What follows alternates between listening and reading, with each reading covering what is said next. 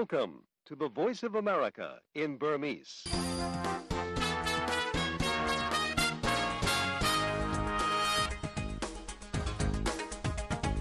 မင်္ဂလာညချမ်းပါတော်တာရှင်များရှင် VOA American တကနေ2024ခုနှစ် February လ29ရက်အင်္ဂါညပိုင်း VOA မြန်မာပိုင်းအစီအစဉ်တွေကိုမြန်မာစံတော်ချိန်ည9:00နာရီကနေ10:00နာရီထိ American ပြည်ထောင်စု Washington DC မြို့တော်ကနေတိုက်ရိုက်ထုတ်လွှင့်ပေးနေပါပြီရှင်။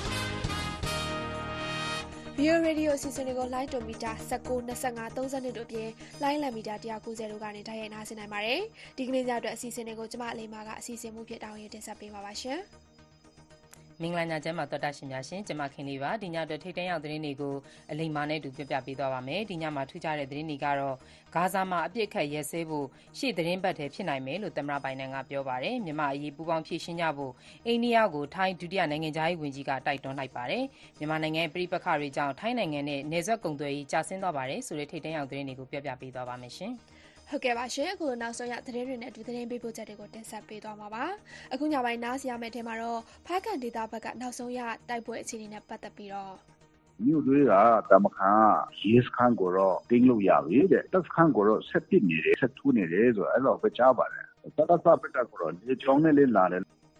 KIA ရဲ့ပြန်ကြားရေးတာဝန်ခံဗိုလ်မှူးကြီးနော်ဘူးပြောသွားတာပါဒီကြောင့်သတင်းအပြည့်အစုံကိုနောက်ပိုင်းမှာနားဆင်ရပါမယ်ဒီသတင်းနဲ့အတူကလေးမျိုးဘက်မှာစစ်ကောင်စီနဲ့ဒေသခံကာကွယ်ရေးတပ်တွေအကြားစစ်ရေးအခြေအနေအပါအဝင်ရခိုင်ပြည်နယ်ဘက်ကအခြေအနေနောက်တဝဲခရိုင်အရှိတော်ဒေသတိုက်ပွဲအခြေအနေဒီလိုနောက်ဆုံးရသတင်းပြပြချက်တွေကိုနားဆင်ရမှာပါဒါရီနဲ့တူအင်္ဂါညတိုင်းတင်ဆက်ပေးနေကြအပတ်စဉ်စီစဉ်တွေကိုလည်းနားဆင်ရဖို့ရှိပါတယ်ဒါတွေကိုမတင်ဆက်ပေးခင်အခုအရင်ဆုံးတော့ထိတ်တန်းရောက်မြန်မာနဲ့နိုင်ငံတကာသတင်းတွေကိုမက်ခင်လေးနဲ့အတူပြောပြပေးပါပါရှင်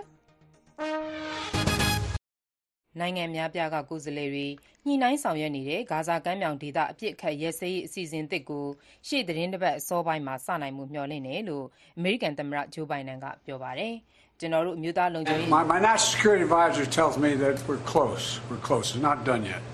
And my hope is by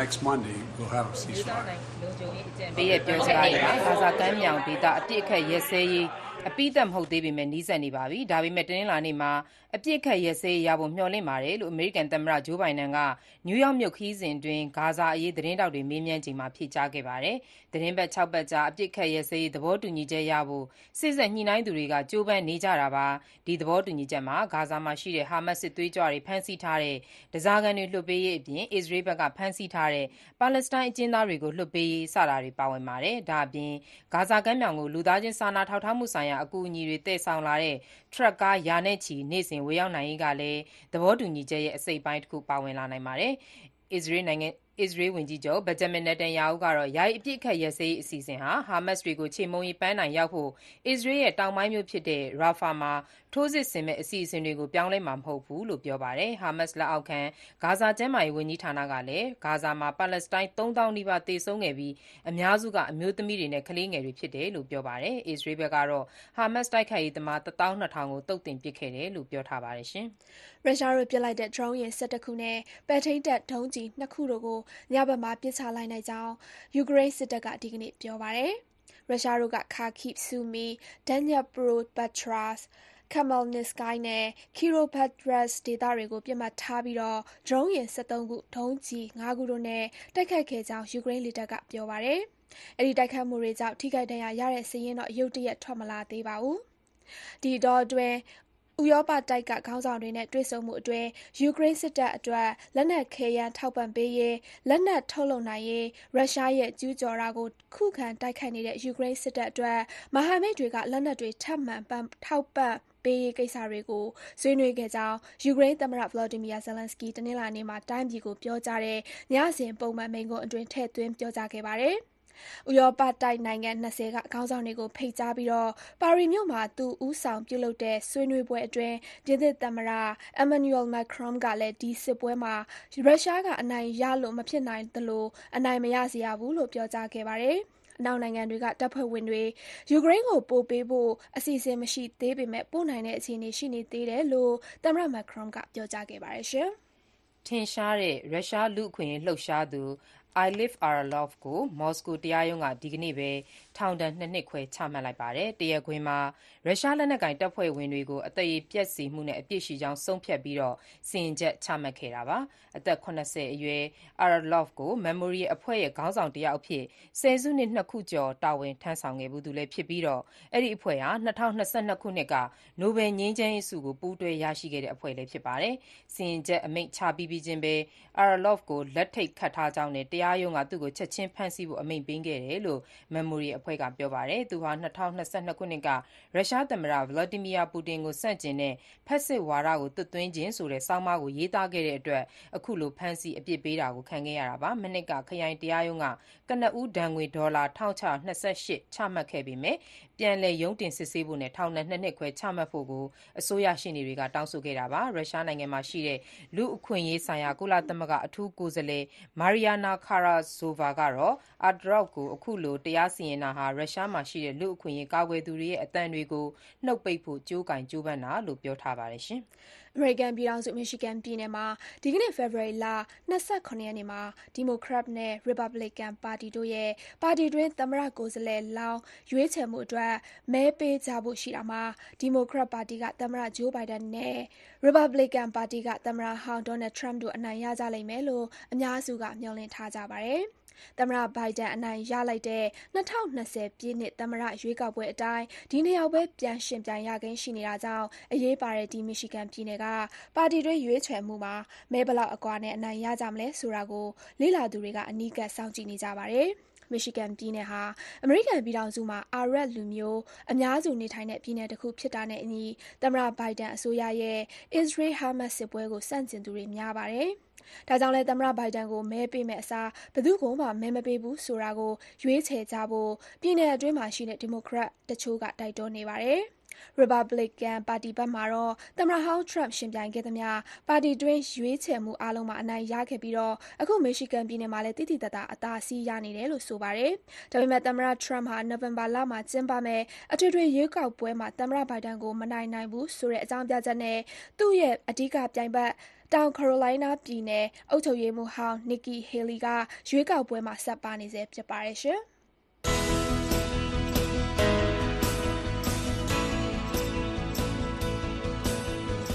VOA အမေရိကန်အသံညဘက်မြန်မာဘာသာအစီအစဉ်တွေကိုညပိုင်း၉နာရီကနေ၁၀နာရီအထိလိုင်းဒိုမီတာ၁၉ kHz 15453ည၊လိုင်းဒိုမီတာ25 kHz 11873ည၊လိုင်းဒိုမီတာ32 kHz 9335တို့အပြင်စနေ၊တနင်္ဂနွေမှာလိုင်းလံမီတာ190 kHz 1505တို့ကနေထုတ်လွှင့်ပေးနေပါတယ်ခင်ဗျာ။ VOA ရဲ့ အင်္ဂါည ထိပ်တန်းရောက်သတင်းတွေကို ဆက်လက်ပြောပြပေးနေပါတယ်။မြန်မာနိုင်ငံမှာဖြစ်နေတဲ့ နိုင်ငံရေးပဋိပက္ခတွေနဲ့ အိမ်နီးချင်းနိုင်ငံတွေရဲ့ စီးပွားရေးပြဿနာတွေကြောင့် ယခုနှစ်အတွင်း ထိုင်းနိုင်ငံရဲ့ နယ်စပ်ကုန်သွယ်ရေးလုပ်ငန်းတွေ နှေးကွေးနိုင်တယ်လို့ ထိုင်းစက်မှုလုပ်ငန်းအဖွဲ့ချုပ် FTI က ပြောပါတယ်။မြန်မာ၊လာအို၊ကမ္ဘောဒီးယား၊မလေးရှားတို့နဲ့ နယ်နိမိတ်ချင်း ထိစပ်နေသလို ဒီနိုင်ငံတွေနဲ့ နယ်စပ်ကုန်သွယ်မှုလုပ်နေတဲ့ ထိုင်းနိုင်ငံဟာ အဆိုပါနိုင်ငံတွေရဲ့ စီးပွားရေးတိုးတက်မှုဆိုင်ရာ စိန်ခေါ်မှုတွေနဲ့ ရင်ဆိုင်နေရတယ်လို့ FTI ရဲ့ ဒုတိယဥက္ကဋ္ဌ Montree Maharapong ကိုကိုးကားပြီးထိုင်းနိုင်ငံထုတ်ဘန်ကောက်ပို့စ်သတင်းစာကဖော်ပြခဲ့တာပါ။မြန်မာနိုင်ငံမှာဖြစ်နေတဲ့လက်နက်ကိုင်ပဋိပက္ခတွေအရေးကိုင်တွယ်ဖြေရှင်းမှုတွေမှာထိုင်းနိုင်ငံအနေနဲ့ပါဝင်ဆောင်ရွက်နေရသလိုတခြားအိမ်နီးချင်းနိုင်ငံတွေမှာဖြစ်နေတဲ့ငွေကြေးဖောင်းပွမှုနဲ့အိမ်ထောင်စုကြွေးမြီဆိုင်ရာပြဿနာတွေအပါအဝင်စီးပွားရေးဆိုင်ရာပြဿနာတွေကိုပါညှိနှိုင်းဆောင်ရွက်နေရတယ်လို့လည်း FTI ရဲ့ဒုဥက္ကဋ္ဌကပြောပါတယ်။မြန်မာနိုင်ငံနဲ့နယ်စပ်ကုန်သွယ်မှုဟာ၁၁.၁ရာခိုင်နှုန်းလျော့ကျခဲ့ပြီးမလေးရှားနိုင်ငံနဲ့ဆိုရင်၁၁.၇ရာခိုင်နှုန်း၊ ကမ္ဘောဒီးယားနိုင်ငံနဲ့ဆိုရင် ၁၉.၂ ရာခိုင်နှုန်းအထိ ကျဆင်းခဲ့တာပါ။လာအိုနဲ့ နယ်စပ်ကုန်သွယ်မှုကတော့ ၁.၁၆ ရာခိုင်နှုန်း မြင့်တက်ခဲ့ပါတယ်။မြန်မာ၊လာအို၊ကမ္ဘောဒီးယားတို့ရဲ့ ငွေကြေးတန်ဖိုးထက် ထိုင်းဘတ်ငွေရဲ့ တန်ဖိုးက ခိုင်မာတဲ့အတွက် ထိုင်းနိုင်ငံရဲ့ ပို့ကုန်လုပ်ငန်းရှင်တွေ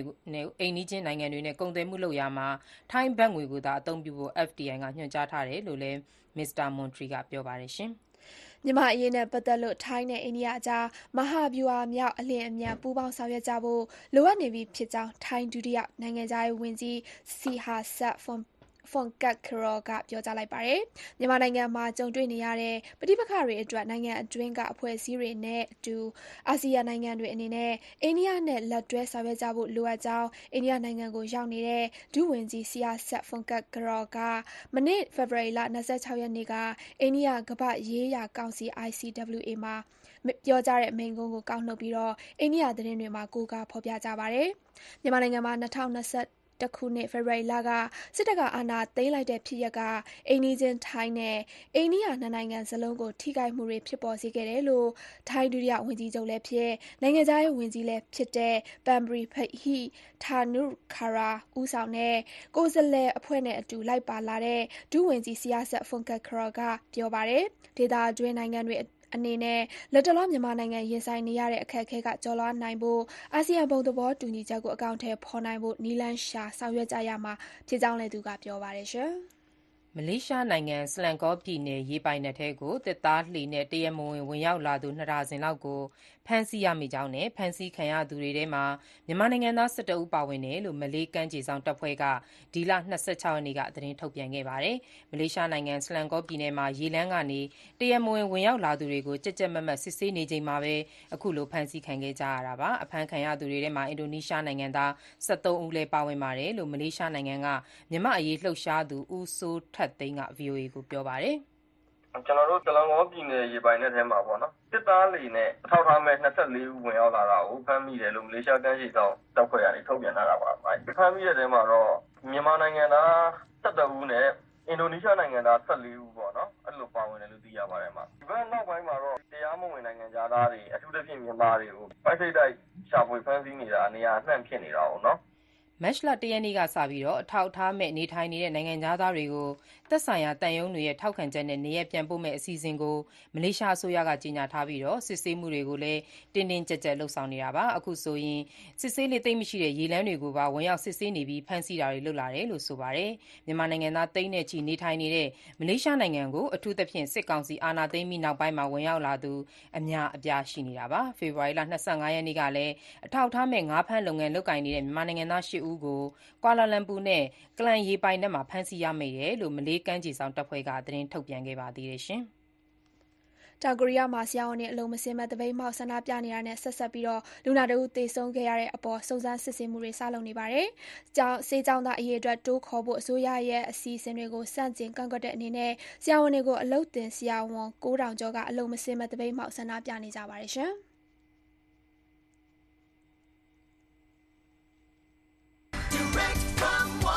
Washington, the voice of America, VOA. နောက်ဆုံးရသတင်းတွေကိုမခင်လေးနဲ့အတူကျမအလိမ္မာကပြောပြပေးခဲ့တာပါအခုဆက်ပြီးတော့နောက်ဆုံးရသတင်းပေးပို့ချက်တွေကိုတင်ဆက်ပေးသွားပါမယ်အရင်ဆုံးတော့ဖားကန့်ဒေသဘက်ကတိုက်ပွဲအခြေအနေနောက်ဆုံးရသတင်းပေးပို့ချက်ကိုပြောပြပေးပါမယ်ကချင်ပြည်နယ်ဖားကန့်မြို့နယ်တာမခန်ကျေးရွာမှာစစ်ကောင်စီတပ်နဲ့ KIA ပူးပေါင်းတပ်တွေကြားတိုက်ပွဲပြင်းထန်နေပြီးတော့ရဲစခန်းကိုသိမ်းပိုက် ယူနိုင်လိုက်ကြောင်း KIA ရဲ့ ပြန်ကြားရေးတာဝန်ခံက ပြောပါတယ်။ဒေသခံတချို့ကတော့ ရဲစခန်းနဲ့ တပ်စခန်းကိုပါ သိမ်းယူကြောင်းနဲ့ တိုက်ပွဲကြောင့်တာမခန်နဲ့ အနီးအနားမှာရှိတဲ့ ကျေးရွာ ၃ ရွာလောက်က ပြည်သူတွေ စစ်ဘေးလွတ်ရာကို တိမ်းရှောင်နေရကြောင်း ပြောပါတယ်။ကချင်ပြည်နယ်အတွင်းက နောက်ဆုံးရ စစ်ရေးသတင်းကို ကိုစည်သူကပြောပြပေးပါမယ်။ဖားကန့်မြို့နယ် တာမခန်ရွာက ရဲစခန်းနဲ့ စစ်ကောင်စီတပ်စခန်းကို ကချင်လွတ်မြောက်ရေးတပ် KIA နဲ့ KPDF ပူးပေါင်းတပ်တွေက တနင်္လာနေ့ ညနေပိုင်းက စတင်ပြီး တိုက်ခိုက်နေတာပါ။ ဒီကနေ့မနက်မှာတော့တာမခန်ရဲစခန်းကိုသိမ်းယူလိုက်ပြီးစစ်တပ်ကုန်းကိုဆက်လက်တိုက်ခိုက်နေကြောင်း KIA ရဲ့ပြန်ကြားရေးတာဝန်ခံဗိုလ်မှူးကြီးနော်ဘူက VOA ကိုပြောပါတယ်။“ဟုတ်ကဲ့တာမခန်စခန်းကိုကျနော်တို့ KIA နဲ့ KPDF တွေပူးပေါင်းအဖွဲ့တွေပေါ့ဒီမနက်ကနေဝင်တိုက်တာ။ဆိုတော့အခုတော့မြို့ထဲကတာမခန်ကရဲစခန်းကိုတော့သိမ်းလို့ရပြီတဲ့။တပ်စခန်းကိုတော့ဆက်ပစ်နေတယ်တဲ့ဆက်ထိုးနေတယ်ဆိုတာအဲလောက်ပဲကြားပါတယ် စကစဘက်ကတော့ လေကြောင်းနဲ့လည်း လာတယ်လို့ ပြောတယ်။လောလောဆယ်အခြေအနေအဲလောက်ပဲကြားရပါတယ်။”တာမခန်ဒေသခံတဦးကတော့ ဒီကနေ့ဖြစ်ပွားတဲ့ တိုက်ပွဲနဲ့ပတ်သက်ပြီး အခုလို ပြောပါတယ်။“အခုတင်လေးခဏနေကဖုန်းဝင်ခဲ့တာတော့ စစ်တပ်ကုန်းသိမ်းလိုက်ပြီလို့ ပြောခဲ့တယ်။ရဲစခန်းကုန်းက ပထမသိမ်းတယ်။စစ်တပ်ကုန်းသိမ်းလိုက်ပြီလို့ ကြားတယ်။တာမခန်မှာပဲ စစ်တပ်ကုန်းရယ် ရဲစခန်းရယ် ရှိတာလေ။မနေ့က သိမ်းတယ်ဆိုတာ မဟုတ်ဘူး။ဒီနေ့မှ သိမ်းတာ။မီးရှို့တယ်။မီးရှို့ပြီးတော့အဲဒီမှာတချို့က စစ်သုံ့ပန်းအနေနဲ့ ဖမ်းထားတယ်ဆိုလား ရှင်လည်းမိတယ်လို့ပြောတယ်။လောလောဆယ်ရဲက၁၂ယောက်လောက်လက်နက်ချသွားတာ။စစ်သားတော့မပြောတတ်ဘူးဗျ။”ဒီတိုက်ပွဲအတွင်းစစ်ကောင်စီဘက်ကလေကြောင်းက၁၀ကြိမ်ထက်မနည်းလာရောက်တိုက်ခိုက်ခဲ့ကြောင်းမနက်ပိုင်းမှာတော့လေယာဉ်တစီးမီးခိုးထွက်ပြီးမောင်းနှင်သွားတာတွေ့ရကြောင်းနဲ့ကျေးရွာတချို့ကပြည်သူတွေလည်းဘေးလွတ်ရာကိုတိမ်းရှောင်နေရကြောင်းအခုလိုဆက်ပြောပါတယ်။လေယာဉ်က၁၂ခေါက်လောက်ရှိမယ်နော်။တော်တော်များတယ်။မနေ့က၄ခေါက်ဒီနေ့၇ခေါက်။၂စင်း၂စင်းလာတယ်လေယာဉ်ကမီးခိုးထွက်တာက သူကြည်စံပြစ်လို့ထွက်တာလားဘယ်လိုလဲမသိဘူးမီးခိုးတော့ထွက်သွားတယ်ဗျကျွန်တော်ရှိတယ်မဲ့အဲစစ်ဆောင်တွေကလေးငါးရွာတော့ရှောင်လိုက်ရတယ်ရွာနဲ့လွတ်တဲ့နေရာပေါ့အမခံရယ်ဟိုမရယ်နန်စပိတ်မော်လုံးနိုင်ရီတောင်နောက်ခောက်ခေါ်လို့ပါလို့ရှိသေးတယ်ဟိုမနေ့ကမနေ့ကမနေ့ပိုင်းကနေစရင်တော့ညနေပိုင်းထိညနေ၄နာရီခွဲလောက်ကျတော့တိုက်ပွဲဖြစ်တော့တယ်သတင်းမီဒီယာအချို့မှာလည်းတိုက်ပွဲအတွင်း KIA ဘက်ကပြစ်ခတ်တာကြောင့် စစ်ကောင်စီရဲ့လေရင်တစည်းထိမှန်သွားကြောင်းဖော်ပြတာတွေရှိပါတယ်။ KIA ပြန်ကြားရေးတာဝန်ခံဗိုလ်မှူးကြီးနော်ဘူကတော့စစ်ကောင်စီရဲ့တာမခံတပ်စခန်းသိမ်းယူတာနဲ့လေရင်ထိမှန်တယ်ဆိုတဲ့သတင်းတွေကိုအတိမပြုနိုင်ကြောင်းပြောပါတယ်။ပြီးခဲ့တဲ့24ရက်နေ့က KIA နဲ့ပူးပေါင်းတပ်တွေဟာစင်ဘူမြို့မှာရှိတဲ့ခလာရ141တပ်စခန်းကိုတိုက်ခိုက်တာတွေရှိခဲ့ပြီးဒီရက်ပိုင်းမှာတော့တိုက်ပွဲတွေငြိမ်သက်နေပါတယ်။လောလောဆယ်မှာစစ်ရေးတင်းမာနေဆဲရှိနေတာကြောင့်ဒေသခံတွေကလေကြောင်းကတိုက်ခိုက်မှာစိုးရင်ပြီးတင်းရှောင်တာတွေလည်းရှိနေပါတယ်။ KIA နဲ့ ပူးပေါင်းတပ်တွေဟာ ဒီနှစ်စမ်းပိုင်းက စတင်ပြီး ကချင်ပြည်နယ်က စစ်ကောင်စီတပ်စခန်းတွေကိုခတ်စိတ်စိတ်တိုက်ခိုက်လာရာမှာ ဖားကန့်မြို့နယ်မှာရှိတဲ့ နန်တိန်းနဲ့ဝေခါ တပ်စခန်းတွေကို သိမ်းပိုက်ခဲ့တယ်လို့မန်စီမြို့နယ်က စီခန်းကြီးစခန်းကိုလည်း သိမ်းယူခဲ့တာတွေ ရှိပါတယ်ခင်ဗျာ ဖားကန်ဒေသတိုက်ပွဲတွေကြောင့်ဒေသခံတွေဘေးလွတ်ရာတိမ်းရှောင်နေရတဲ့အကြောင်းကိုစီသူပြောပြပေးခဲ့တာပါအခုတခါတော့ကလေးမျိုးဘက်ကစစ်ကောင်စီနဲ့ဒေသခံကာကွယ်ရေးတပ်တွေအကြားကစစ်ရေးအခြေအနေကိုပြောပြပေးကြပါမယ်စကိုင်းတိုင်းကလေးမျိုးမှာစစ်တပ်နဲ့ကာကွယ်ရေးတပ်ဖွဲ့တွေစစ်ရေးတင်းမာနေပြီးတော့စစ်တပ်ဘက်ကလက်နက်ကြီးပစ်ခတ်နေတယ်လို့ဒေသခံတွေကပြောပါတယ်အဲလိုပစ်ခတ်မှုကြောင့်ဒေသခံတွေတေဆုံးခဲ့တယ်လို့ဒဏ်ရာတွေလည်းရရှိခဲ့ပါတယ် ကလေးမြို့တောင်ပိုင်းကကြေးရွာတွေဘက်မှာလည်းစစ်တပ်ကနေမြေရှင်းလင်းနေလို့ဒေသခံတွေတောတောင်နေတဲ့တိမ်းရှောင်နေကြရပါတယ်။ကလေးမြို့နယ်ဘက်ကအခြေအနေတွေကိုကိုစံကျော်ကပြောပြပေးပါမယ်ရှင်။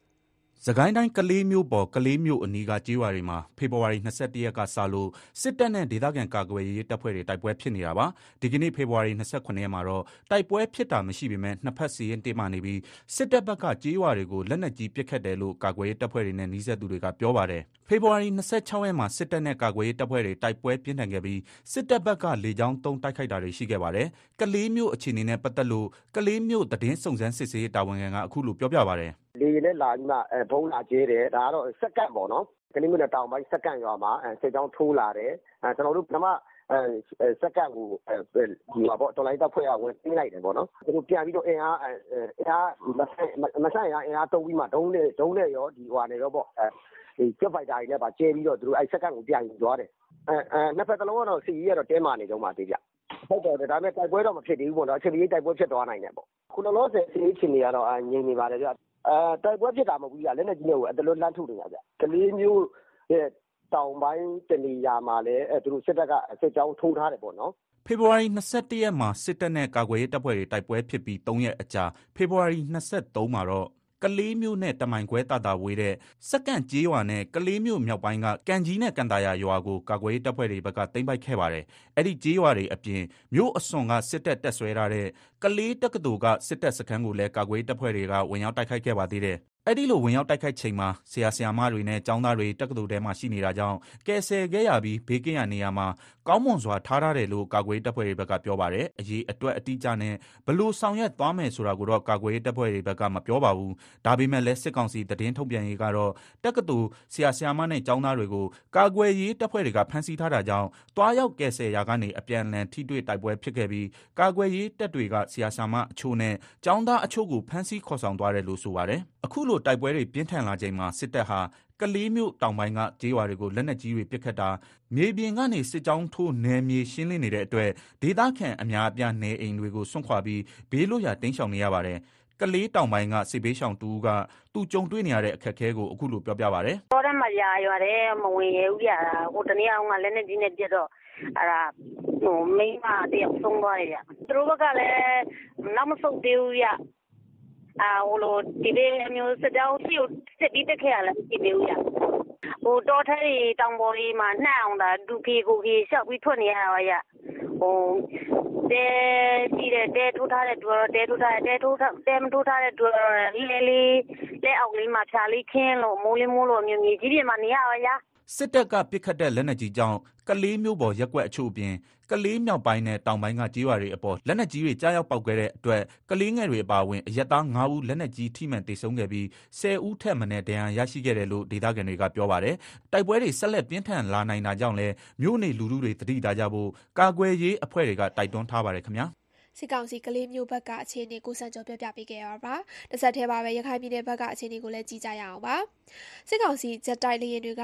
မင်းပြမြို့နယ်ကမင်းဖူးဆေးရုံနဲ့တေကန်ကျေးရွာကိုဒီကနေ့မနက်ပိုင်းကလာရောက်ပုံကျဲတာကြောင့်လူပေါင်းဒါဇင်နဲ့ချီထိခိုက်ဒဏ်ရာရသွားပါတယ် ရခိုင်တပ်တော် AA နဲ့ တိုက်ပွဲပြင်းထန်နေတဲ့ ရခိုင်ပြည်နယ်မှာ စစ်ကောင်စီက လေကြောင်းကနေ တိုက်ခတ်တာကြောင့် အရက်သား ထိခိုက်ဒေဆုံးနေသလို လူတွေအစာအုပ်တွေ ဆေးရုံ စာသင်ကျောင်းတွေနဲ့ ဘာသာရေးကျောင်းတွေ ထိခိုက်ပျက်စီးတာတွေ များလာနေတာပါ။သတင်းအပြည့်စုံကိုတော့ကိုခင်မောင်စိုးမင်းက ပြောပြပေးပါမယ်ရှင်။ရခိုင်ပြည်နယ်မြောက်ပိုင်း မင်းပြားမြို့နယ်ရာမောင်းတရာအနီး သေကန်ကျေးရွာကို တနင်္လာနေ့ည သန်းခေါင်အချိန် အင်္ဂါနေ့ ကူးပြီးတဲ့အချိန်မှာပဲ စစ်ကောင်စီက လေယာဉ်နဲ့ ဗုံးကျဲခဲ့တာကြောင့် အရပ်သား ဆယ်နဲ့ချီ ထိခိုက်ဒဏ်ရာရရှိခဲ့တယ်လို့ သေကန်ကျေးရွာအနီးက ဒေသခံတဦးက ပြောပါတယ်။"နေ့ တနာရီကျော်လောက်က လေယာဉ်နဲ့ဂျက်လေယာဉ်နဲ့ကြဲတာ။စာသင်ကျောင်းမှာ ကျတယ် နှစ်လုံး၊ရွာထဲမှာ တလုံးကျတယ်။နောက်ပြီး ဒေသအခြေအနေရော အရပ်သား လူနာသုံးဆယ်လောက်တော့ ဒဏ်ရာရတယ်။အသေအပျောက်တော့ မရှိဘူး ဒဏ်ရာရတယ်။ထိခိုက်ဒဏ်ရာ ရတယ်။စစ်ဘေးရှောင်တွေ များတယ်။" စစ်ကောင်စီကျဲတဲ့ဗုံးတွေဟာ စစ်ဘေးဒုက္ခသည်တွေနေထိုင်တဲ့ စာသင်ကျောင်းနဲ့ ကျေးရွာထဲကို ကျရောက်ပေါက်ကွဲခဲ့တာဖြစ်တယ်လို့ အဲဒီဒေသခံက ပြောပါတယ်။လေကြောင်းတိုက်ခိုက်နေတာကြောင့် အနီးအနားကျေးရွာတွေက ဒေသခံတွေ ဘေးလွတ်ရာကို တိမ်းရှောင်ဖို့ ပြင်ဆင်နေကြတယ်လို့လည်း သေကန်ကျေးရွာအနီးနားက ဒေသခံတဦးက ပြောပါတယ်။"အခုက သက်သက်လာပစ်လာတာ စစ်ဆေးမရှိဘူး ဒီအတိုင်းလာပစ်လာတာ စစ်ဆေးတာဘာမှမရှိဘူး ဂျက်လေယာဉ်နဲ့သက်သက်လာပစ်လာတာစစ်ဘေးတိမ်းရှောင်တာကျနော်တို့ဒီညနေတခြားရွာကိုညနေပိုင်းမိုးချုပ်ရင်တခြားရွာကိုသွားပြီးတော့ရှောင်ဖို့လုပ်နေကြတယ်။"တချိန်တည်းမှာစစ်ကောင်စီကမင်းပြားမြို့နယ်အတွင်းကမင်းဖူးကျေးရွာမှာရှိတဲ့ဆေးရုံကိုလည်းဒီကနေ့မနက်တနာရီကျော်လောက်ကလေယာဉ်နဲ့လာရောက်ဗုံးကြဲခဲ့တာကြောင့်ဆေးရုံတခုလုံးပျက်စီးသွားသလိုဆေးကုသခံယူနေတဲ့လူနာတွေနဲ့ဆေးရုံဝန်ထမ်းတချို့ပြင်းပြင်းထန်ထန်ဒဏ်ရာရရှိခဲ့တယ်လို့ ရက္ခိုင့်တပ်တော် AA ရဲ့ ဒီကနေ့ ထုတ်ပြန်ချက်မှာ ဖော်ပြထားပါတယ်။ရခိုင်စစ်မြေပြင်မှာ စခန်းတခုပြီးတခု လက်လွှတ်ဆုံးရှုံးနေတဲ့ စစ်ကောင်စီအနေနဲ့ အရပ်သားတွေနေထိုင်တဲ့ ကျေးရွာတွေ၊ဆေးရုံတွေ၊အဆောက်အဦတွေကို ဦးတည်တိုက်ခိုက်နေတာကြောင့် ရခိုင်ဒေသခံတွေအနေနဲ့ အတော်စိုးရိမ်နေကြတယ်လို့လည်း မင်းပြားဒေသခံတဦးက ပြောပါတယ်။"ဒေသခံအနေနဲ့ အကုန်လုံး ခြုံပြီးပြောရမယ်ဆိုရင် အများကြီး စိုးရိမ်ပူပန်နေကြတယ်လူတွေက အိပ်မပျော်စားမငိုဖြစ်နေကြတယ် သူတို့ လေယာဉ်နဲ့လာပြီးတော့သေကန်တို့မင်းဖူးတို့ ချမှာ ကြောက်လို့ဗျ စစ်ပွဲနဲ့ ပတ်သတ်ပြီးပြောချင်တာကတော့ အဓိက ဗမာအစိုးရမှာ ကိုယ့်ရဲ့အပြစ်မဲ့မပြုဘဲဒီမှာ ပြည်သူတွေပဲ လိုက်ပြေးနေတာရပ်တန့်ပေးစေချင်တယ်လို့ပဲ ပြောချင်တယ်။"မင်းပြားမြို့နယ်မှာရှိတဲ့ စစ်ကောင်စီတပ်စခန်းတွေ အားလုံးနီးပါးကို AA တပ်က သိမ်းပိုက်ထားပြီးဖြစ်သလို နောက်ဆုံးလက်ကျန်ရှိနေတဲ့ စစ်ကောင်စီရဲ့ တခုတည်းသော အမှတ် တိုင်းဗဟိုလေ့ကျင့်ရေး သင်တန်းကျောင်းကိုလည်း ရက္ခိုင့်တပ်တော် AA က ထိုးစစ်ဆင်တိုက်ခိုက်နေတာဖြစ်ပါတယ်။ဒါ့အပြင် ရခိုင်မြောက်ပိုင်းက ပုဏ္ဏားကျွန်း၊ရသေ့တောင်၊ဘူးသီးတောင်၊မောင်တောအပါအဝင် ရခိုင်တောင်ပိုင်းက ရမ်းဗြဲမြို့နယ်တွေမှာရှိတဲ့ စစ်ကောင်စီတပ်စခန်းတွေကို AA က ထိုးစစ်ဆင်တိုက်ခိုက်နေတာလည်း ဖြစ်ပါတယ်ခင်ဗျာ ရခိုင်ပြည်နယ်ဘက်က နောက်ဆုံးရအခြေအနေကို ကိုခင်မောင်စိုးမင်းကပြောပြပေးခဲ့တာပါ။အခုတော့ ထားဝယ်ခရိုင် အရှေ့တောဒေသဘက်က တိုက်ပွဲအခြေအနေကို ဆက်ပြောပြပေးပါမယ်။ တနင်္သာရီတိုင်း ထားဝယ်ခရိုင် အရှေ့တောဒေသမှာ စစ်ရေးတင်းမာနေပြီး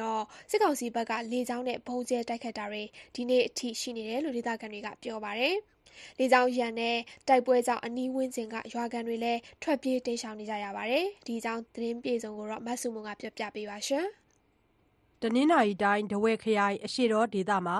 ကရင်အမျိုးသား လွတ်မြောက်ရေးတပ်မတော် KNLA နဲ့ တနင်္သာရီတိုင်းအတွင်းက ပူးပေါင်းတပ်တွေ စုပေါင်းပြီး စစ်ကောင်စီတပ်နဲ့ နှစ်ဘက်တိုက်ပွဲပြင်းထန်နေတာမှာ ဖေဖော်ဝါရီလ ၂၇ ရက် နေ့နေ့လည်ပိုင်းအထိ တိုက်ခိုက်မှုတွေ ဖြစ်ပွားနေတယ်လို့ ဒေသခံတဦးကဗွီအိုအေကို ပြောပါတယ်။"တင်းမာမှုတွေဖြစ်နေတယ် တဘက်ကလည်း ကြပ်မတ်စစ်ကောင်စီကလေယာဉ်တွေသုံးနေတယ်ဆိုတော့လေ ပြည်သူတွေကတော့ လက်ရှိစစ်ရှောင်အတွက် ထွက်ပြေးနေရတာတော့ ရှိတာပေါ့ဗျာလေယာဉ်နဲ့ဗုံးချတဲ့ကိစ္စတွေကကျတော့ ကျွန်တော်တို့ကာကွယ်ရေးအဖွဲ့တွေဆီကို မကျဘဲနဲ့ရွာထဲပဲ ကျနေတဲ့အခါကျတော့ပြည်သူတွေထိတာပေါ့ မနေ့ကတော့ လေကြောင်းနဲ့ဒီလက်နက်ကြီးချတဲ့ကိစ္စနဲ့ ပတ်သက်ပြီးတော့ဒီကျွရွာနှစ်ရွာကိုကြားတယ်လေမြစ်တာမြစ်တာနဲ့ဒီဟိုပါပေါ့ရွှေချောင်းဆိုတဲ့နေရာကိုကြားတာပေါ့နော်ကြားတဲ့ခါကျတော့ အဲ့အဲ့အဲ့ဒီနီးတာတစ်ဝိုက် ပကာကြီးတို့နီးတာတစ်ဝိုက် အကုန်လုံး ပြည်သူတွေကြတော့ကျွန်တော်ဟီတာဘက်ကို ပြောင်းနေရတဲ့ကိစ္စတွေရှိတယ် လက်နက်ကြီးဒဏ်ကြောင့် အရက်သားပြည်သူ ထိခိုက်သေဆုံးတာရှိတယ်လို့ ဆိုပေမဲ့ ပြင်းထန်နေတဲ့ တိုက်ပွဲအခြေအနေကြောင့် အတည်ပြုနိုင်မှုကခက်ခဲနေတယ်လို့ ပြောပါတယ်။ တိုက်ပွဲအတွင်းမှာနှစ်ဖက် ထိခိုက်သေဆုံးတာနဲ့ စစ်ကောင်စီရဲ့ လက်နက်ခဲယမ်းတချို့ကို တော်လှန်ရေးတပ်ဖွဲ့တွေဘက်က သိမ်းဆည်းနိုင်ခဲ့ပေမဲ့ အတိအကျကိုတော့ သက်ဆိုင်ရာဌာနအလိုက် သတင်းထုတ်ပြန်ပါမယ်လို့ တော်လှန်ရေးရဲဘော်တဦးက ပြောပါတယ်။စင်းနဲ့တက်တက်လာရင်တော့ ကျွန်တော် မပြောလို့ဘူးပေါ့နော် ဒါကြတော့တက်ဆိုင်ရာတက်ဆိုင်ရာဌာနလိုက်ရသူက ကြီးညာလိုက်မယ်စင်မထုတ်လိုက်မယ်လို့ ယူဆတယ် ဒါကြတော့ ကျွန်တော်တို့ ဟိုမပြောချင်သေးဘူးပေါ့စိတ်ရတော့တင်းမနေတော့မရှိတာပေါ့ရှိတော့တခွင်ပဲကျွန်တော်တို့ပြောလို့ရတာပေါ့နော်ဘာကြောင့်ဒီနေရာတော်တော်လေးကိုဟိုဖြစ်နေတဲ့နေရာပေါ့အနေနဲ့တော့ကျွန်တော်တို့မြစ်တာလို့ရှိမယ်ပကာကြီးလို့ရှိမယ်ဒီဟာပေါ့ရွာရတော့တော်တော်များတဲ့ခါကျတော့ကျွန်တော်တို့လည်းအတိအကျကျဖော်ပြဖို့ကတော်တော်လေးခက်တယ်မာရဟုတ် ဒဝဲထီခီလမ်းတစ်လျှောက် မောင်းနှင်လာတဲ့ စစ်ကောင်စီရင်တန်းကို ဖေဖော်ဝါရီလ18ရက်နေ့တုန်းကကရင်မျိုးသား လွတ်မြောက်ရေးတပ်မတော် KNL နဲ့ တနင်္သာရီတိုင်းတွင်ကပူးပေါင်းတပ်တွေက စုပေါင်းတိုက်ခိုက်ခဲ့တာဖြစ်ပါတယ်။အဲ့ဒီအချိန်ကနေစလို့ ဒီကနေ့အထိ စစ်ကောင်စီတပ်တွေနဲ့ တနင်္သာရီတိုင်းတွင်ကပူးပေါင်းတပ်တို့ကြား အပြန်အလှန် စစ်ရေးတင်းမာနေတာဖြစ်ပါတယ်။စစ်ကောင်စီဘက်က လေကြောင်းကနေဘုံကျဲတိုက်ခိုက်မှုတွေလည်း ရှိတယ်လို့ ဒေသခံတွေက ပြောပါတယ်။ တိုက်ပွဲအတွင်းမှာတော့ ဒေသခံပြည်သူတွေရဲ့ နေအိမ်တွေပျက်စီးတာနဲ့ အရက်သားတွေ ထိခိုက်သေဆုံးတာရှိပေမဲ့ အတည်ပြုနိုင်ဖို့ ခက်ခဲနေပါတယ်။တိုက်ပွဲအနီးဝန်းကျင်မှာရှိတဲ့ ဒေသခံပြည်သူတွေကတော့ ရွာတွေထဲမှာမနေရတော့ဘဲ ဘေးလွတ်ရာကို ထွက်ပြေးတိမ်းရှောင်နေကြပါတယ်ရှင်။တဝဲခရိုင် အရှိတော်ဒေသဘက်မှာ တိုက်ပွဲပြင်းထန်နေတဲ့ အခြေအနေကို မဆုမွန်ကပြောပြပေးခဲ့တာပါ။အင်္ဂါညရဲ့ ရန်ကုန်က သတင်းပေးပို့ချက်တွေကတော့ ဒီလောက်ပါပဲရှင်။အခုတော့ VOA ရဲ့ Polygraph ရုပ်သံဗီဒီယိုတစ်ခုကို တင်ဆက်ပေးပါမယ်။ တရုတ်ဆိုရဟာစိုက်ဘာတိုက်ခတ်မှုတွေနဲ့ တခြား တရားမဝင်လုပ်ရက်တွေလှုပ်ဆောင်တာကို ခွင့်မပြုဘူးလို့ ပြောပါတယ်။အမေရိကန်နဲ့ တခြားနိုင်ငံတွေကတော့ ကမ္ဘာတလွှားက တရုတ်ရဲ့စိုက်ဘာဖောက်ထွင်းမှုတွေက မှတ်တမ်းနဲ့တကွ ရှိတယ်လို့ ဆိုပါတယ်။အချက်လက် အခြေခံပြီးတော့မှားမှန်အတည်ပြုထားတဲ့ VOA ရဲ့ Polygraph ရုပ်သံဗီဒီယိုမှာ တင်ဆက်ပေးထားပါတယ်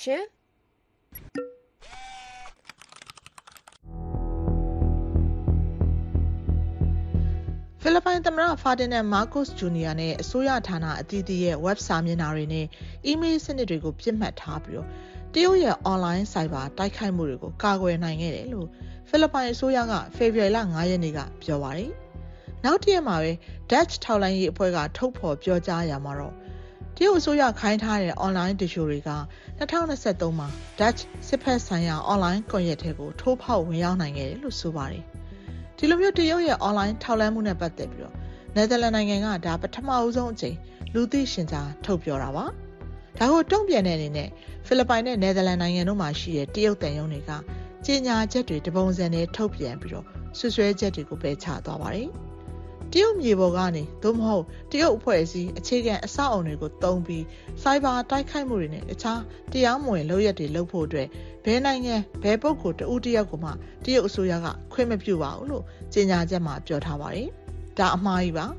။တရုတ်ဟာကမ္ဘာတစ်လွှားမှာဆိုးရွားတဲ့စိုက်ဘာဖောက်ထွင်းထောက်လှမ်းမှုတွေလှုပ်ဆောင်တဲ့ရာဇဝင်မှတ်တမ်းနဲ့တကွာရှိပါတယ်။တိုက်ခိုက်မှုအများစုကတရုတ်အစိုးရလူတွေနဲ့ဆက်ဆက်နေတာပါ။ 2021နှစ်လယ်ကစပြီးတော့အမေရိကန်ပြည်ထောင်စုကအရေးပါဆုံးအခြေခံအဆောက်အအုံတွေကိုပြစ်မှတ်ထားတိုက်ခိုက်နေခဲ့တဲ့စိုက်ဘာဖောက်ထွင်းမှုကွန်ရက် Vault Typhoon အဖွဲ့ဟာတရုတ်အစိုးရခိုင်းထားတဲ့အဖွဲ့ဆိုတာ2023မေလမှာ Microsoft ကသိရှိဖော်ထုတ်နိုင်ခဲ့ပါတယ်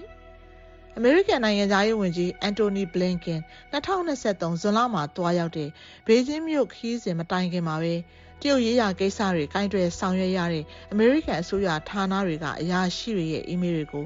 တရုတ်အစိုးရထောက်ပံ့ထားတဲ့တရုတ်အွန်လိုင်းဖောက်ထွင်းအဖွဲ့ Storm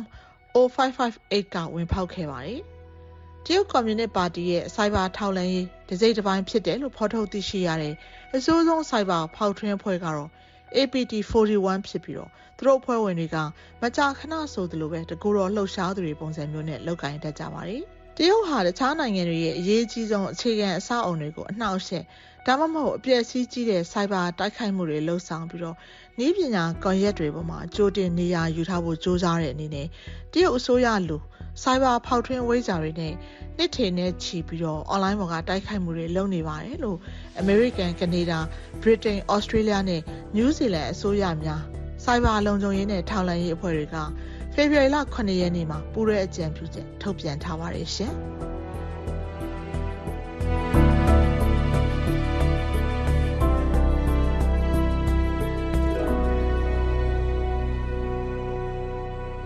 ဒီလိုမှားမှန်မသေးကြတဲ့အကြောင်းအရာတွေနဲ့ပတ်သက်ပြီးတော့အချက်လက်တွေနဲ့အတည်ပြုသိရှိခြင်းနဲ့ဆိုရင်တော့ VOA ရဲ့ Polygraph website စာမျက်နှာ polygraph.info မှာတွားရောက်ကြည့်ရှုနိုင်ပါတယ်။မကြခင်ထုတ်လွှင့်ပေးမယ့်အစီအစဉ်ဒုတိယပိုင်းမှာတော့အပတ်စဉ်ကဏ္ဍတွေကိုနားဆင်ကြည့်ရှုနိုင်ပါတယ်ရှင်။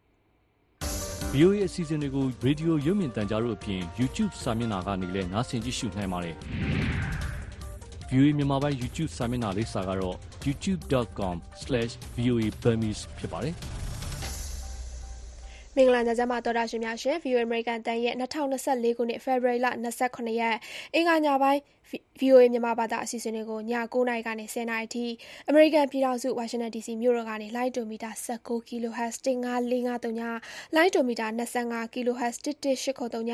လိုင်းတိုမီတာ32 kHz 9335လိုင်းလံမီတာ190 kHz 1505တို့ကနေတိုက်ရိုက်အသံလွှင့်ပေးနေတာဖြစ်ပါတယ်။အခုဆက်ပြီးထုတ်လွှင့်ပေးသွားမယ့်အင်္ဂါညတိုင်းတင်ဆက်ပေးနေကြအပတ်စဉ်ကဏ္ဍတွေမှာတော့မြေကြီးဩဇာအစီအစဉ်မြန်မာနဲ့ယူကရိန်းနှစ်နိုင်ငံအခြေအနေနှိုင်းယှဉ်ချက်အမေရိကန်နိုင်ငံရေးအကြောင်းသတင်းဆောင်ပါအစီအစဉ်ကမ္ဘာတလွှားခီးသွားအစီအစဉ်စတဲ့အပတ်စဉ်ကဏ္ဍတွေကိုနားဆင်ရဖို့ရှိပါတယ်။ဒီလိုအင်္ဂါညရဲ့အပတ်စဉ်ကဏ္ဍတွေမတိုင်ခင်မှာတော့အရင်ဆုံးသီးနှံစေးကြားဆင်းမှုတွေကြောင့်တောင်သူတွေအခက်ကြုံရတဲ့အကြောင်းပြပြပေးထားတဲ့မြေကြီးဩဇာအစီအစဉ်ကိုတင်ဆက်ပေးမှာပါ။မြန်မာနိုင်ငံမှာစံစေးစီစေးတွေ အသားငါးဈေးတွေ ခေါင်ခိုက်အောင် ဈေးတက်နေပေမဲ့ အခုအချိန် ဟင်းသီးဟင်းရွက် ကုန်စိမ်းဈေးနှုန်းကတော့ မဖြစ်စလောက် ငွေကြေးနဲ့ ဝယ်လို့ရတဲ့အထိ ဈေးတွေ ထိုးကျနေပါတယ်။အဲဒီအတွက် ဟင်းသီးဟင်းရွက် စိုက်ပျိုးတဲ့ တောင်သူတွေဟာ လုံလုံနီးပါး အရှုံးပေါ်နေပါတယ်။ဒီအကြောင်း လေ့လာထားတဲ့ ကိုခင်မောင်စိုးမင်းက အခုလိုစူးစီးတင်ဆက်ပေးထားပါတယ်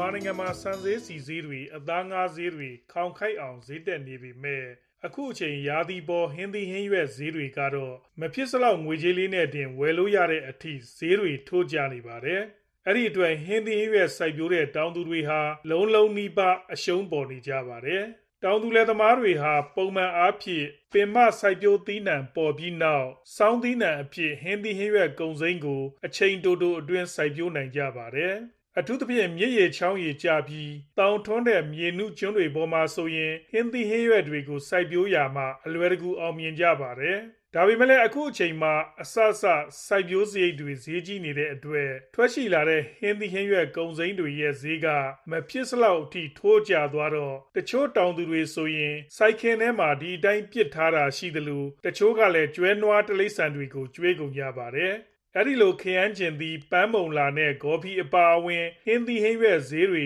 ထိုးကျကုန်ရတဲ့ အဓိကအကြောင်းရင်းထဲမှာ ဈေးကွက်ကကျဉ်းပြီး လမ်းပန်းဆက်သွယ်ရေး ခက်ခဲလို့ သယ်ယူပို့ဆောင်ရေး အဆင်မပြေတာကလည်း အဓိကအချက်တချက်ဖြစ်ပါတယ်။ အဲဒီနေရာမှာ လမ်းပန်းဆက်သွယ်ရေး ခက်ခဲတယ်လို့ ပြောရတာကတော့ လမ်းမကောင်းတာ၊လမ်းမပေါက်တာကို ဆိုလိုတာမဟုတ်ဘဲ နိုင်ငံရေးအခြေအနေ မတည်ငြိမ် ပြည်တွင်းစစ်ဖြစ်ပွားနေတဲ့အတွက် တနေရာကနေ တနေရာ ဝေးတဲ့ဒေသတွေကို အချိန်မီ သယ်ယူပို့ဆောင်နိုင်ခြင်း မရှိတာပဲ ဖြစ်ပါတယ်။အဲဒီအတွက် မိမိစိုက်ပျိုးကြတဲ့ဒေသမှာပဲ စုပြုံရောင်းချကြတဲ့အတွက် ဈေးတွေထိုးကျကုန်တဲ့ အချက်တချက် ဖြစ်ပါတယ်။ ဒါ့အပြင် ဟင်းသီးဟင်းရွက်စိုက်တောင်သူတွေဟာ စိုက်ပျိုးတဲ့အဆင့်မှာပဲရပ်နေပြီး ကုန်ချောအနေနဲ့ ထုတ်လုပ်ဖို့ ဈေးကွက်တိုးချဲ့ဖို့ကို မလုပ်နိုင်ကြရင်တော့ ဒီလိုအဖြစ်မျိုးကို ဆက်လက်ကြုံတွေ့ရနိုင်တယ်လို့ သုံးသပ်မှုတွေလည်း ရှိပါတယ်။ဒါနဲ့ပတ်သက်ပြီး မြေလတ်ဒေသမှာ တောင်သူလယ်သမားအရေး သင်တန်းတွေ ပို့ချနေသူတဦးက အခုလို ပြောပါတယ်။"ကျနော်တို့ ကုန်စိမ်းတွေ သယ်ဆောင်တဲ့အခါ ဂိတ်တွေတားဆီးတဲ့ဟာ မြန်မြန်ဆန်ဆန် ဈေးကွက်ထဲကို ရောက်သွားဖို့က လိုတာကိုး။အဲဒါကတော့ ချို့တဲ့နေတဲ့လက်ရှိအခြေအနေရဲ့အဓိကအချက်ပေါ့ဗျာ။အဲဒါကတော့ကျနော်တို့လက်ရှိအချိန်မှာတော့ဘယ်လိုမှမဖြစ်နိုင်ဘူးပေါ့ဗျာ။နောက်တခုကကျတော့ကျနော်တို့ကစိုက်ပျိုးထုတ်လုပ်တယ်ဆိုတဲ့စကားရှိတယ်။စိုက်ပျိုးထုတ်လုပ်တယ်ဆိုတဲ့အခါမှာဥပမာခရမ်းချဉ်သီးပေါ့။ခရမ်းချဉ်သီးကိုခရမ်းချဉ်သီးလိုပဲဒီဟာကိုထွက်လာရင်ဈေးထဲကိုသွားပြီးရောင်းတယ်။ဒိုင်တွေကိုသွင်းတယ်။ဒါဒီလောက်ပဲ။ခရမ်းချဉ်သီးကနေယိုလုပ်တယ်ဥပမာပေါ့နော်။ ယိုလုပ်တယ်၊ဆော့လုပ်တယ်အစရှိသဖြင့်အဲလိုကျနော်တို့ Production ပိုင်းတွေကိုကျနော်တို့တောင်သူတွေကအလှမ်းဝေးနေတာဗျ။အဲဒီအပိုင်းတွေကိုမသွားနိုင်ဘူးပေါ့နော်။နောက်တတိယအချက်ကကျတော့ဈေးကွက်ပေါ့။ကျဉ်းမြောင်းတဲ့ဈေးကွက်ကိုပစ်မှတ်ထားပြီးတော့မှတောင်သူတွေကလုပ်နေကြတာကိုးကြက်သွန်ဆိုရင်လည်းအဲ့လိုမျိုးပေါ့နော်အိန္ဒိယကကြက်သွန်အဝယ်ပိတ်လိုက်တယ်ဆိုတာနဲ့ကြက်သွန်ဆက်ချလို့မရဘူးအပင်တွေပေါက်လာတယ် ကားကအကုန်ခံလူသမားအကုန်ခံပြီးချောင်းလေးထဲမှာမြစ်တွေထဲမှာလွန့်ပြရတယ်တွတ်ပြရတယ်တခါတလေဆိုရင်ခန်းကျင်သီးတွေဟိုနွားကျွပြရတဲ့အခြေအနေမျိုးတွေပေါ့ဒီကုံစိမ့်တွေကပုံသွားတဲ့အချိန်မှာဘယ်လိုမှကယ်လို့မရတော့ဘူးဒါပုတ်တာတိုးတာဒီဘာညာဆိုတော့ဖြစ်တာကျန်တဲ့ကုံတွေကမယောင်းရရင်ကျွန်တော်တို့လှောင်ထားလို့ရသေးတယ်ကုံစိမ့်ကတော့တည့်ရတဲ့အတိုင်းပဲမယောင်းရရင်လွန့်ပြမယ်နွားကျွေးမယ်အဲအဲ့လိုမျိုးဖြစ်ကုန်တာပေါ့ဗျာဒါတောင်းသူတွေဒုက္ခရောက်ရတဲ့အခြေခံအချက်တွေချို့တဲ့မှုကြောင့်ဒုက္ခရောက်ရတဲ့အကြောင်းပါပဲ ဒါအပြင် တောင်သူတွေအနေနဲ့စောင်းသီးနှံအဖြစ် အထားခံ အချောက်ခံလို့ရတဲ့ ကာလာတို့ပဲ အမျိုးမျိုးနဲ့ ပြောင်းမှုတို့လို တခြားသီးနှံတွေကို မျှတအောင် စိုက်ပျိုးတာနေပါပြီး အဓိက ငွေဖြစ်လွယ်တဲ့ ဟင်းသီးဟင်းရွက် ရာသီစားကုန်တစ်ခုတည်းကိုပဲ စုပြုံစိုက်ပျိုးကြတာဟာလဲဈေးကွက်ထဲမှာ ဘုံဘောလောဖြစ်အောင် လုပ်လိုက်တယ်လို့ဖြစ်တယ်လို့ ယူဆကြသူတွေလည်း ရှိပါတယ်။ အခုလိုအနေအထားမှာ ဈေးကွက်ဆိုတာဟာလည်း စိုက်ပျိုးတဲ့ တောင်သူတွေရဲ့ အနီးဝန်းကျင်မှာပဲ ဖြစ်နေပြီး အဝေးကို သွားရောက်ရောင်းချဖို့ကလည်း လုံခြုံရေးအခြေအနေကြောင့် အခက်အခဲတွေ ရှိနေကြပါတယ်။တခါ နိုင်ငံတကာကို တင်ပို့ဖို့အတွက်ကြတော့လဲအအေးကန်းနဲ့တည်ယူပို့ဆောင်ရေးစနစ်ကို သုံးနိုင်တဲ့ အခြေအနေ မရှိသေးတဲ့အတွက် ဒီအဆင့်ကလည်း အလှမ်းကွာဝေးနေပါသေးတယ်။ ဒီလိုအနေအထားတွေနဲ့ ပတ်သက်ပြီး မြေလက်ဒေသမှာ တောင်သူလယ်သမားအရေး သင်တန်းတွေ ပို့ချနေသူကပဲ အခုလို ဆက်ပြောပါတယ်။အော်ကုံစိမ်းစိုက်တာတော့ တောင်သူလယ်သမားတွေ ကုံစိမ်းရတော့ အပြစ်တော့ မဟုတ်ပါဘူးဗျာတကယ်တမ်းကျတော့ သူတို့စိုက်ချင်ပါပဲလေ ကုံစိမ်းကသူကငွေပေါ်တာကြတော့ မြန်တာဟုတ်ကျွန်တော်တို့ တောင်သူတွေက တယောက်ယောက်ကကြိုက်တယ်ထင်းပြီးကမှကြိုက်တယ်ဆိုပြီးကမှစိုက်စိုက်တယ်လှုပ်လိုက်လှုပ်တယ်ဆိုရင် အခြားတောင်သူတွေကလည်း လိုက်လှုပ်ကြတာ အဲ့လိုကြတော့အကုန်လုံးဒီထွက်လာတဲ့ကုံကပုံသွားတာပေါ့ဗျာဟို supply နဲ့ demand နဲ့မမျှတော့ဘူးဗျာ supply ကများပြီး demand ကနည်းနေတဲ့အခြေအနေမျိုးကိုရောက်သွားတာပေါ့။ तू ကဟိုဟာ site ကိုကဒါ site ဆိုတော့အမဲဆုံး site ပြိုးရေးကိုသွားမသွားနိုင်ကြဘူးပေါ့။မသွားနိုင်ကြဘဲနဲ့အရေးချီကြည့်နေကြတယ်။တယောက်က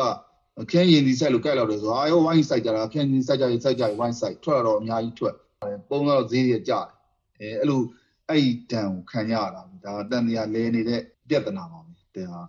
တကယ်တော့တောင်သူလယ်သမားတွေရဲ့အရေးကိစ္စနဲ့ပတ်သက်ရင်လွတ်လပ်တဲ့တောင်သူလယ်သမားအဖွဲ့အစည်းတွေဖွဲ့စည်းလှုပ်ရှားခွင့်လိုအပ်ပါတယ်။ဒါမှသာအဲ့ဒီအဖွဲ့အစည်းတွေက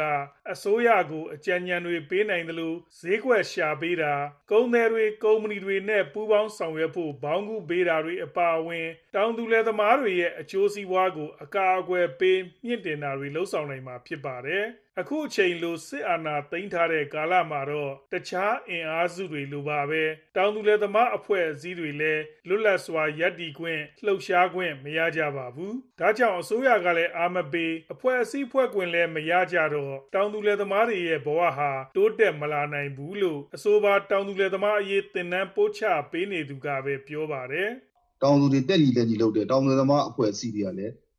နိုင်ငံရေးအခြေအနေတွေအရ မဖွဲ့စည်းနိုင်ဘူး အားကောင်းအောင်မလုပ်နိုင်ဘူးပေါ့အဲ့ဒါတွေကြောင့်တောင်သူတွေဟာနလန်မထူဘဲနဲ့ဖြစ်နေတာပေါ့ဗျာအစိုးရခေတ်အဆက်ဆက်မှာဒီလိုရက်တက်နေကြတာဟိုခုနပြောတဲ့လိုအပ်ချက်တွေကိုမဖြည့်ဘဲနဲ့တောင်သူဘဝဟာတိုးကိုမတိုးတက်နိုင်ဘူးဆိုတာကိုကျွန်တော်ဒိဋ္ဌပြောလို့ရတယ်တောင်သူလယ်သမားအဖွဲ့အစည်းတွေမထူထောင်နိုင်ဘဲနဲ့ဒီဒီကိုသူတို့ထွက်လာတဲ့သိနိုင်တွေကိုဒီ production ဘက်ကိုမသွားနိုင်ဘဲနဲ့ marketing တွေကိုကိုကိုယ်တိုင်ရောင်းရင်းဝယ်တာတွေကိုတောင်သူတွေကိုယ်တိုင်မဆောင်ရွက်နိုင်ဘဲနဲ့ပေါ့ဗျာ။နောက် အစိုးရကတကယ်ထိထိထိရောက်ရောက်မကူညီနိုင်ဘဲနဲ့တောင်သူလယ်သမားဘဝဟာမတိုးတက်နိုင်ဘူးလို့ဧကန်ဒိဋ္ဌပြောနိုင်တယ်။ထိုင်းအိန္ဒိယနဲ့ဗီယက်နမ်အပါအဝင်အိမ်နီးချင်းနိုင်ငံအများစုမှာလယ်ယာစိုက်ပျိုးရေးဟာအဓိကတိုင်းပြည်ရဲ့စီးပွားရေးဖြစ်တဲ့အတွက်တောင်သူလယ်သမားတွေအတွက်ကူညီထောက်ပံ့မှုတွေကိုအခြေအနေအရပ်ရပ်ဖြစ်စဉ်ပေါ်မူတည်ပြီးပေးတာတွေရှိပါတယ်။ အဲဒီအထဲမှာ သီးနှံပျက်စီးလို့ သီးနှံဈေးကွက်ပျက်လို့ စတာတွေမှာ အကူအညီပေး ဝင်ရောက်ထိန်းညှိတာတွေလည်း ရှိပါတယ်။မြန်မာနိုင်ငံမှာလည်း လယ်ယာစိုက်ပျိုးရေး သီးနှံထုတ်လုပ်ရေးအတွက် တောင်သူလယ်သမားတွေကို အကူအညီပေးရမယ်ဆိုပြီး ဥပဒေပြု အတိအလင်း ပြဋ္ဌာန်းထားပေမဲ့ လက်တွေ့မှာတော့ ထိရောက်တဲ့အဆင့်ရောက်အောင် ကူညီတာမျိုး စစ်အာဏာရှင်အဆက်ဆက်မှာ မတွေ့ခဲ့ရပါဘူး။ အဓိက စပါး ပဲနဲ့စီထွက်သီးနှံ စိုက်ပျိုးကြတဲ့ တောင်သူလယ်သမားတွေကိုသာ စိုက်ပျိုးစရိတ် ချေးငွေထုတ်ပေးတာ နှစ်စဉ်ရှိပေမဲ့ဟင်းသီးဟင်းရွက် ရာသီစားကုန်စိမ်း စိုက်ပျိုးရေးသမားတွေကိုတော့ အကူအညီပေးတာမျိုး မရှိပါဘူးခင်ဗျာ။ သီးနှံဈေးကျဆင်းမှုတွေကြောင့် တောင်သူတွေအခက်ကြုံရတဲ့အကြောင်း မြေကြီးဩဇာအစီအစဉ်မှာကုခေမောင်စိုးမေကတင်ဆက်ပေးခဲ့တာပါရှင်။အခုဆက်ပြီးတော့အင်္ဂါညရဲ့ အပတ်စဉ်ကဏ္ဍတစ်ခုဖြစ်တဲ့ မြန်မာနဲ့ ယူကရိန်း နှစ်နိုင်ငံအခြေအနေနိုင်ရှင်ချက်ကို ပြောပြပေးပါမယ်။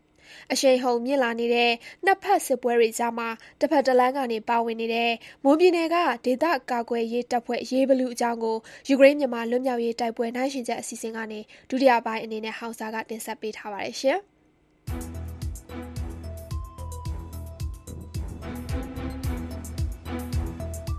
ပြီးခဲ့တဲ့ဘက်ကမွန်ပြည်နယ်အောက်ပိုင်းဒေသတွေမှာစစ်ရေးလှုပ်ရှားနေတဲ့မွန်ဒေသကာကွယ်ရေးတပ်ဖြစ်တဲ့ရေးဘလူးရဲ့တော်လှန်ရေးခေါင်းဆောင်နဲ့ဆက်သွယ်မေးမြန်းထားတာကိုထုတ်လွှင့်ပေးခဲ့ပြီးဖြစ်ပါတယ်။အခုဒုတိယပိုင်းကိုဆက်လက်နားဆင်ကြအောင်ခင်ဗျာကျွန်တော်တို့ဒီလူငယ်တွေကိုပြန်ထိန်းတဲ့အခါကျတော့ကျွန်တော်တို့တွေကတော့စစ်တင်တန်းတက်ခဲ့ရတော့နော်စစ်တင်တန်းတက်ခဲ့ရတယ်ဒီ KMU ရဲ့ဒါဟိုဦးစီးဦးဆောင်မှုနဲ့ပေါ့ကျွန်တော်တို့ဒီစစ်တင်တန်းတွေတက်တယ်ဟိုစစ်ပညာတွေကျွန်တော်တို့ပြန်ပြီးတော့မျှဝေပေးတယ်ဗျမျှဝေပြီးတော့ကျွန်တော်တို့ ဒီလူငယ်တွေကိုပြန်ထိန်းသိမ်းရတဲ့အခါလာမှာတော့ကျွန်တော်တို့ဒီစစ်အမိတ်ဆိုတာနဲ့လည်းတွားရတယ်ပေါ့လက်နက်ကင်လမ်းစဉ်ဖြစ်နေတဲ့အတွက်ကြောင့်မို့စစ်အမိတ်ဆိုတဲ့ပုံစံမျိုးနဲ့တွားရတယ်နောက်တစ်ချက်ကပါလဲဆိုတော့အဲ့ဒီစစ်အမိတ်ထက်ကိုအမိတ်ထက်ကိုအပူပြီးတော့ကျွန်တော်တို့ထိန်းကိုရလွယ်တာကတော့ဂရဝတရားပေါ့ဗျဂရဝတရားရှိဂရဝတရားရှိကြတော့ကျွန်တော်တို့ဗုဒ္ဓဘာသာတွေကတော့ဟိုတယောက်ပေါ့တယောက်ကောင်းလို့ရှိရင်တော့ဒီဒီကျွန်တော်တို့ဟိုမေတ္တာတရားတွေတော့ပြန်ပြီးတော့အကျိုးသက်ရောက်မှုပြန်ခံစားရမှာပဲလေဘာလို့လဲဆိုအဲ့လိုမျိုးအခြေအနေမျိုးတစ်ခုမှာ ကျွန်တော်တို့လူငယ်တွေကိုအများကြီးဟိုပြောဆိုရမခက်ဘူးပေါ့နော်ထိန်းသိမ်းရတာလည်းလွယ်ကူတယ်နောက်တစ်ခုကလည်းဟိုအမိတ်အမိတ်နဲ့တွားမယ်ဆိုလို့ရှိရင်လည်းအမိတ်နာခံမှုအပြည့်အဝရှိတယ်ဗျလူငယ်ကိုထိန်းသိမ်းရတဲ့အပေါ်မှာတော့အများကြီးမခက်ခဲပါဘူးဗျဟုတ်ကဲ့ကြီးမားဆုံးဆုံးရှုံးမှုဆိုလို့ရှိရင်တော့ကျွန်တော်တို့မိသားစုတွေပေါ့မိသားစုတွေကတော့ဟိုအကြီးမားဆုံးအဆုံးရှုံးမှုပဲလေကျွန်တော်ရဲ့မိဘတွေနဲ့ခွဲရတယ်နောက်တစ်ခုကဟိုအမေကလည်း ပြောမစို့အသက်အရွယ်ကရနေပြီအသက်အရွယ်ရနေပြီဆိုတော့ဟိုဘယ်လိုမျိုးအခြေအနေမျိုးမှာဘယ်လိုကြုံတွေ့ရမယ့်အခက်အခဲတွေကိုကျွန်တော်တို့တွေကအတိအကျမသိနေမသိနေနိုင်ဘူးဗျမသိနေနိုင်တော့ဒါတွေကိုပဲတွေးပြီးတော့ဟိုဒါမေ့တယ်ပေါ့စိတ်ပူမေ့တယ်ပေါ့နော်ကိုကိုမေ့ရဲ့အပေါ်မှာပေါ့ဒါကတော့ကျွန်တော်တို့ကဟိုအကြီးမားဆုံးအဆုံးရှုံးမှုတစ်ခုလိုပဲကျွန်တော်ကတော့ထင်တယ်ဗျဟုတ်တခြားဟာတော့ကျွန်တော်တို့ကသူသူမရှိပါဘူးဗျဟုတ် မရှင်အောင်မြင်တဲ့မရှင်တွေကတော့တော်တော်များများတော့ရှိခဲ့တယ်ကျွန်တော်တို့အဲ့လိုအခုရည်နဲ့တော့ကျွန်တော်တို့အရေးတွက်တာတော့မရှိဘူးဗျယာကနေချီပြီးတော့ဟိုရှိမယ်ဗျဒါဆိုကျွန်တော်တို့ဒီတလဝိုင်းဆိုလို့ရှိရင်တော့ကျွန်တော်တို့ဟို G Blue အဖွဲ့ကိုတူတောင်ခဲ့တာလားနှစ်နှစ်ပြည့်ပေါ့နော်နှစ်နှစ်ပြည့်ပြီဆိုတော့ဟိုတော်တော်လေးကိုလည်းမရှင်တွေကျွန်တော်ပြုလုပ်ခဲ့တယ်အောင်မြင်တဲ့မရှင်ရှိတယ်လို့မျိုးမရှင် free free ရတဲ့အခန်းကဏ္ဍမျိုးတွေလည်းရှိတယ်ဗျဟိုသတင်းပေါက်ကြားလို့ကျွန်တော်တို့ဘက်ကခံရတာတွေလည်းရှိတယ်ပေါ့ ဒီဒီတိုက်ပွဲတွေမှာလည်းကျွန်တော်တို့ဘက်ကဆုံးရှုံးမှုတွေလည်းရှိတယ်ကျွန်တော်ဆိုရင်လည်းကားဆိုကားဆုံးရှုံးခဲ့ရတယ်ပေါ့နော်ဆိုင်ကယ်တွေကျွန်တော်တို့ဒီစကန်အတုံးဆိုင်ကယ်တွေလည်းဆိုင်ကယ်မို့လို့ကျွန်တော်တို့ဆုံးရှုံးခဲ့ရတယ်ဒါပေမဲ့ကျွန်တော်တို့ကဟိုဘယ်လိုပြန်တွေးလိုက်လဲဆိုတော့ဒါအလုံးလုံးနေတဲ့ဖြစ်တယ်အလုံးလုံးတဲ့အပေါ်မှာဖြစ်သွားတဲ့အတွက်ကြောင့်မို့လို့ဟိုကျွန်တော်တို့တွေကဒီလိုပဲပြန်ပြီးတော့ပြန်ဖြေတယ်ပေါ့နော်အကောင်းဆုံးဖြစ်အောင်ဘယ်လိုပြီးတော့ဟိုပြန်ပြီးစွမ်းဆောင်ရမလဲရန်သူကိုဘယ်လိုပြန်ပြီးတော့ခြေပရမလဲတော်လှန်ရမလဲပေါ့နော်ဒါတွေကိုပဲကျွန်တော်တို့ဟို နေ့စဉ်နေ့နဲ့မြပြန်ပြီးတော့ပြန်သုံးတက်တယ်ပြန်တွေးတယ်ပေါ့နော်အကောင်းဆုံးဒီမရှင်တွေကိုပေါ်ဆောင်ဖို့အတွက်ပဲကျွန်တော်တို့အမြဲတမ်းတွေးခေါ်နေခဲ့တယ်ပေါ့ဟုတ်ကဲ့ကျွန်တော်တို့ကတော့လက်ရှိပြည်သူလူထုဒါကူညီတဲ့ပတ်ဝန်းမှုတွေနဲ့ပဲကျွန်တော်တို့တွေကရက်တည်နေရတဲ့အတွက်ကြောင့်မို့ကျွန်တော်တို့ကရဝအထားဆုံးအရာတွေကတော့ဒီချိန်မှာတော့ပြည်သူလူထုပဲဗျဟိုပြည်သူလူထုဘက်ကကျွန်တော်တို့ကိုပေါ့နော်အမြဲတမ်းခုလိုမျိုးဒါဟိုအနောက်ွယ်ကနေကျွန်တော်တို့ပတ်ဖို့ပေးတယ်ဆိုတော့စုံနေတဲ့ချင်းတွေမျိုးမှာကျွန်တော်တို့က ဟိုပြည်သူလူထုဆိုရင်တော့အမြဲတမ်းကျွန်တော်တို့ကိုးကွယ်တယ်ဗျပြည်သူလူထုတွေကအာဒီအောင်မကောင်းဒီလိုမလုပ်နဲ့ဆိုလဲကျွန်တော်တို့ရှောင်တယ်မလုပ်ဘူးပေါ့နော်ဒီပုံစံမျိုးပေါ့ဟိုမရှင်တွေပြုလုပ်မဲ့နေရာမျိုးတွေဆိုရင်တော့မှပြည်သူလူထုထိခိုက်မဲ့ပုံစံမျိုးဆိုရင်တော့ကျွန်တော်တို့မလုပ်ဘူးဗျအဖိတ်စင်ရှိမှဆိုတာကတော့စစ်မှာတော့ကျွန်တော်တို့အစကလေးကတော့နားလေတယ်ပေါ့နော်စစ်တိုင်တော့အဖိတ်စင်ကတော့ရှိမှာပဲဒါပေမဲ့ဒီလိုအဖိတ်စင်တွေကင်းဝေးအောင်ပေါ့နော်ပြည်သူလူထုမထိခိုက်အောင်ပဲကျွန်တော်တို့အမြဲတမ်းချိန်တယ်ဟိုမရှင်တွေမှာဆိုလို့ရှိရင်ပေါ့ အကယ်၍ပြည်သူလူထုတွေကြားညှက်ပြီးပါရမယ့်ပုံစံမျိုးနဲ့မှကျွန်တော်တို့ဒီစစ်ကောင်စီကိုတော်လှန်နေရမယ့်ပုံစံမျိုးဆိုလို့ရှိရင်လည်းအဲ့လိုမျိုးအဲ့လိုအခြေအနေမျိုးမှာကျွန်တော်တို့ machine free သွားတဲ့အပိုင်းတွေကိုလည်းအများကြီးနောက်ဆုတ်လာတဲ့အပိုင်းတွေလည်းအများကြီးရှိတယ်ပေါ့ဗျပြည်သူကိုတော့အမြဲတမ်းအားကိုးတယ်ကျွန်တော်တို့တွေကနောက်တစ်ခုကပြည်သူတွေနဲ့လည်းအမြဲတမ်းတက်တိုင်ပင်ပင်ရှိတယ်ဗျဟုတ်ပြည်သူတွေမကြိုက်တဲ့အရာမျိုးဆိုလည်းကျွန်တော်တို့တွေကတော့ဘာမှမလုပ်ဘူးနောက်တစ်ခုကဂျားထဲမှာပြည်သူတွေကပေါ့နော်ကျွန်တော်တို့ဒီဟို အခက်အခဲဖြစ်နေတဲ့အရာမျိုးတွေပါတယ်ရှိနေတယ်ဆိုရင်တော့မှကျွန်တော်တို့ဝိုင်းဝန်းဖြည့်ရှင်းပေးတဲ့အပိုင်းမျိုးတွေလည်းရှိတယ်ဗျဟုတ်ကဲ့ပါတော်လည်းရေးနဲ့မပတ်သက်နေတဲ့သူတွေကတော့ဟိုရှိကောင်းလည်းရှိမှာပေါ့ဗျာမရှိရင်လည်းမရှိဘူးပေါ့နော်ဒါပေမဲ့ဒီအခြေအနေမျိုးမှာတော့တော်လည်းရေးကိုဒါဟိုခေါင်းထဲမှာထည့်ထားပေးပါနော်ဟိုစိတ်တနေရာလောက်မှာတွေးတွေးထားပေးပါပေါ့ဗျာဘာလို့လဲဆိုတော့တော်လည်းရေးဆိုတာကလည်းဒါတနိုင်ငံလုံးအရေးနဲ့တက်ဆိုင်နေတဲ့အရာဖြစ်နေတဲ့အတွက်ကြောင့်မို့ အပျော်ပါးလေးတွေလည်းရှော့ကြပါပေါ့နော်အပျော်ပါးလေးတွေလည်းရှော့ပါနောက်တစ်ခုကလည်းအဲမျိုးပေါ့ဒီစီရေးသတင်းတွေကိုလည်းအမြဲတမ်းနားထောင်ပါတီးကြမဲ့သတင်းအချက်လက်မျိုးတွေခိုင်လုံမဲ့သတင်းမျိုးတွေကိုလည်းအမြဲတမ်းနားဆွေးပါဘာလို့လဲဆိုတော့ဒီတကယ်တမ်းမြို့သိမ်းပွဲတွေဘာတွေကြီးကြီးမားမားဒါဖြစ်လာခဲ့တဲ့ခါကျရင်လည်းဟိုပြည်သူလူထုတွေအနေနဲ့ပေါ့ဗျအဲ့လိုမျိုးအမြဲတမ်းသတင်းတွေအစမပြတ်နားထောင်တဲ့ခါကျရင်ဒါဘလို့ဘလို့ကြိုတင်ကာကွယ်ရမလဲဘလို့ကြိုတင်ရှောင်သိမ်းရမလဲဆိုတဲ့ပုံစံမျိုးကိုလည်းပို့ပြီးတော့သိနေနိုင်တယ်နောက်တစ်ခုက ကျွန်တော်တို့အနေနဲ့ဒါပြည်ဟိုဒါတော့တော်နယ်ရေးကိုအမြဲတမ်းစိတ်ဝင်စားရှိနေတဲ့ပြည်သူတွေကိုပြောချင်တာကတော့ကျွန်တော်တို့တွေဒီ2024မှာအကောင်းဆုံးကြိုးပမ်းရမယ်။နေပြီးတော့အများကြီးအများကြီးကျွန်တော်ဘက်ကပြင်ဆင်ထားတာတွေရှိတယ်ပေါ့။ဒီကြားထဲမှာကျွန်တော်တို့ matching နားနေတယ်နားနေတယ်ဆိုရင်တော့မှကျွန်တော်တို့တွေဒီနားနေတဲ့အနောက်ကွယ်မှာဟိုအများကြီးစစ်စစ်နဲ့ပတ်သက်တဲ့အရာတွေပေါ့နော်ကျွန်တော်တို့ဝယ်ယူစုဆောင်နေတယ်အကောင်းဆုံးတိုက်ပွဲဝင်သွားမယ်လို့ဒါတီတီတူတူကိုကျွန်တော်ခွန်အားတရက် ဖြစ်စေချင်ပါတယ်ဒီကနေအသိပေးချင်ပါတယ်ခင်ဗျဟုတ်ကဲ့ပါမွန်ဒေတာကာကွယ်ရေးတပ်ဖွဲ့ခေါင်းဆောင်ပြောပြပေးသွားတဲ့သူတို့ရဲ့လက်ရှိအခြေအနေပဲဖြစ်ပါတယ်မွန်ပြည်နယ်ကဒေသကာကွယ်ရေးတပ်အကြောင်းဒုတိယပိုင်းအနေနဲ့ယူကရိန်းမြန်မာနိုင်ရှင်ချက်အစီအစဉ်မှာဟောင်စာကတင်ဆက်ပေးခဲ့တာပါအခုတော့အမေရိကန်နိုင်ငံရေးအကြောင်းသတင်းဆောင်မှအစီအစဉ်အလှည့်ပါ ယူကရိန်းကို ရုရှားဘက်က စစ်ရေးအရာတိုးပြီးတော့ထိုးစစ်ဆင်လာတာတွေကို ဟန်တားဖို့ ယူကရိန်းဘက်က လိုအပ်နေတဲ့ လက်နက်တွေ ထောက်ပံ့ရေး အရေးပေါ် လိုအပ်နေတဲ့ အခြေအနေကို တနင်္ဂနွေနေ့က ဥရောပမှာရော အမေရိကန်ပြည်ထောင်စုမှာပါ အရေးတကြီး ဆွေးနွေးကြပါတယ်။ တချိန်တည်းမှာပဲလူတွေအတိဒုက္ခရောက်နေကြတဲ့အခြေအနေအဆုံးသတ်ဖို့ပဋိပက္ခကိုငြိမ်းချမ်းစွာအပြေရှားဖို့တောင်းဆိုတာတွေကလည်းရှေ့တန်းကိုရောက်လာနေပါတယ်။ Veronica Itares Iglesias ပေးပို့ထားတဲ့သတင်းကိုတော့ကိုသိန်းထိုက်ကပြောပြပေးပါမယ်ရှင်။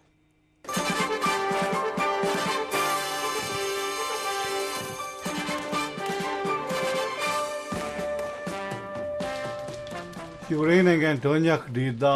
ယထာဘူတာယုံတစ်ခု ရုရှားဘက်ကပြစ်မှတ်ကိုချိန်ရွယ်တိုက်ခိုက်တဲ့ဘုံထိမှန်တာကြောင့်တနင်္ဂနွေနေ့ကမီးလောင်ပျက်စီးခဲ့ပါတယ်။ဖေဖော်ဝါရီလ18ရက်နေ့ကရုရှားဘက်ကတင်ထားတဲ့ယူကရိန်းနိုင်ငံအဖဒီဘက်ကမြို့တဲ့ရုရှားစစ်တပ်ခေါင်းဆောင်တွေလှည့်လည်စစ်ဆေးနေတဲ့ပုံတွေလည်းထွက်ပေါ်လာပါတယ်။ယူကရိန်းဘက်ကစိတ်သက်ခိုင်မာနေစေဆိုပေမဲ့လို့ခုခံစစ်ကိုဆက်လက်ဆင်နွှဲဖို့ပထမဆုံးလက်နက်လိုအပ်တဲ့အကြောင်းယူကရိန်းကာကွယ်ရေးဝန်ကြီး Preston Umarov ကပြောပါတယ် In the mathematics of war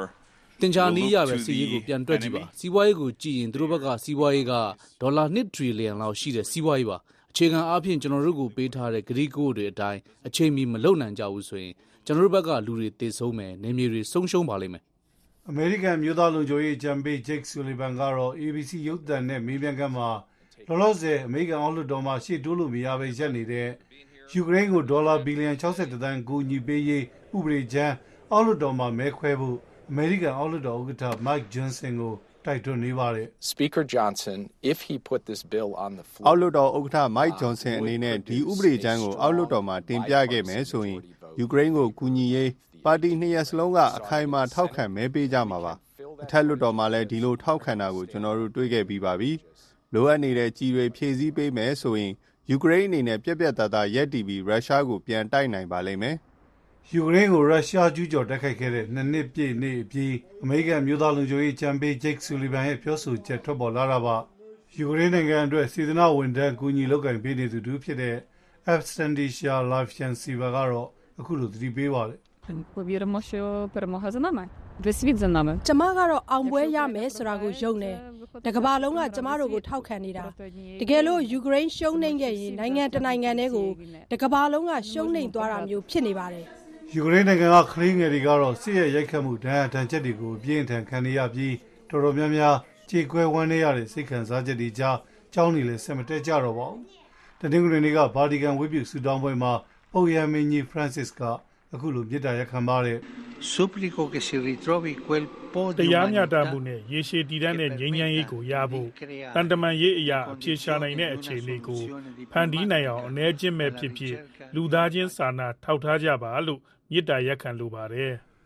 ယူကရိန်းသမ္မတဗလာဒိုမာဇယ်လန်စကီကတော့လာမယ့်လတွေအတွင်းငြိမ်းချမ်းရေးအတွက်ထိပ်သီးဆွေးနွေးပွဲနှစ်ခုရှိတယ်လို့သတင်းစာရှင်းလင်းပွဲမှာပြောဆိုတာကြောင့်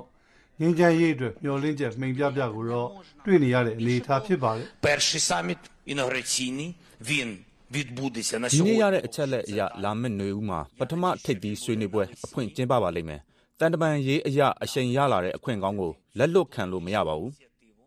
ဆွစ်ဇာလန်မှာ ဆွေးနွေးပါလိမ့်မယ်။ဒုတိယထိပ်သီးဆွေးနွေးပွဲကိုလည်း ဥရောပတိုက် တနေရာရာမှာ ကျွန်တော်တို့ ထပ်ဆွေးနွေးကြပါတယ်။ထိပ်သီးဆွေးနွေးပွဲက ရလာတဲ့ ငြိမ်းချမ်းရေး အခြေခံအဆိုပြုချက်အားလုံးကို ရုရှားဘက်ကို တင်ပြမယ်လို့ ယူကရိန်းသမ္မတဗလော်ဒီမာဇလန်စကီကပြောပါတယ်။ဒါပေမဲ့လည်း ရုရှားဘက်က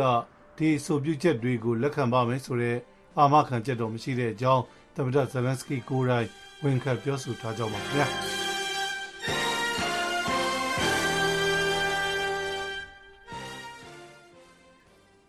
အမေရိကန်နိုင်ငံရေးအကြောင်းသတင်းဆောင်မအစီအစဉ်ကိုဦးသိန်းထိုက်ကတင်ဆက်ပေးခဲ့တာပါအခုတော့ကမ္ဘာတလွှာခီးသွားအစီအစဉ်အလှည့်ပါ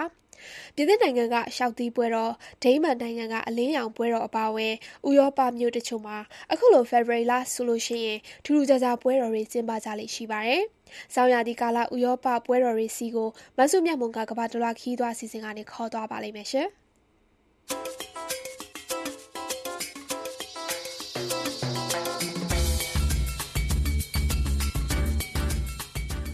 February လဟာဥရောပမှာဆောင်းရာသီလဖြစ်ပေမဲ့ထူးခြားတဲ့နှစ်စဉ်ပွဲတော်တွေကိုမြို့တော်တော်များများမှာကျင်းပကြလေရှိပါတယ်။ပြင်သစ်နိုင်ငံတောင်ပိုင်းမြေထဲပင်လယ်နဲ့ဆက်နေတဲ့လှပတဲ့ပင်လယ်ကမ်းခြေမြို့တွေကမွန်တော်မြို့မှာလည်းနှစ်တိုင်းနာမည်ကျော်ရှောက်သီးပွဲတော်ကိုကျင်းပလာတာဒီနှစ်ကနှစ်90ပြည့်ဖြစ်ပါတယ်။ဥရောပမှာရတာအကောင်းဆုံးလို့စံချိန်တင်သတ်မှတ်ခံရတဲ့ရှောက်သီးတွေထွက်တဲ့မွန်တော်မြို့မှာရှောက်သီးပွဲတော်ကို1934ခုနှစ်ထဲကစတင်ကျင်းပလာခဲ့တာပါ။ ဒေသခံတွေကြားတိတ်ရေပန်းစားတဲ့ပွဲတော်ကို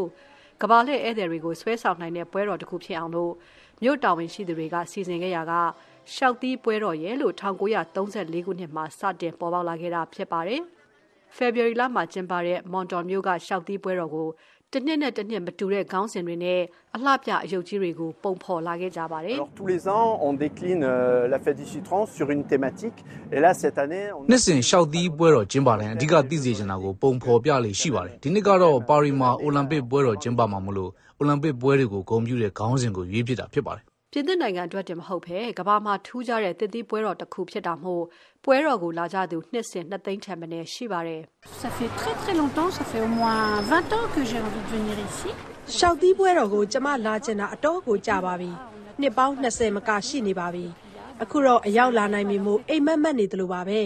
တိတ်သဘောကျပါတယ်အချိုဘက်ကဲတဲ့မွန်တော်မြို့ကရှောက်သီးတွေကကဘာကျော်သလိုပြင်သစ်နိုင်ငံတောင်ပိုင်းဒေသရဲ့တမိုင်းနဲ့ရှေးဟောင်းအမွေနှစ်အဖြစ်လဲအရေးပါပါတယ် 15ရာစုတဲကရှောက်သီးစိုက်ပျိုးရေးကိုဒေသခံတွေလှုပ်လာကြတာဒီနေ့မှာတော့ရှောက်သီးစိုက်ပျိုးရေးလုပ်ငန်း15ခုပဲကြာမာတော့တယ်ခုံယူစရာနိုင်ငံထွက်ကုန်တွေကိုသတင်းနှစ်ပတ်ကြာကျင်းပတဲ့ပွဲတော်မှာအိုလံပစ်အားကစားသမားတွေအဖြစ်အလှပြရင်ကြီးတွေအပေါ်မှာမြင်တွေ့နိုင်ကြပါတယ် C'est la 90 90e fête des citrons déjà chez nous. ဒီနှစ်ကပွဲတော်ကျင်းပတာအနှစ်60ပြည့်တဲ့နှစ်ပါပြင်သစ်နိုင်ငံမှာအိုလံပစ်ပွဲတော်ကျင်းပတဲ့နှစ်ဖြစ်နေတာမို့အိုလံပစ်နဲ့သက်ဆိုင်တဲ့အလှပြရုပ်ကြီးတွေကိုအဓိကပုံဖော်ထားကြပါတယ်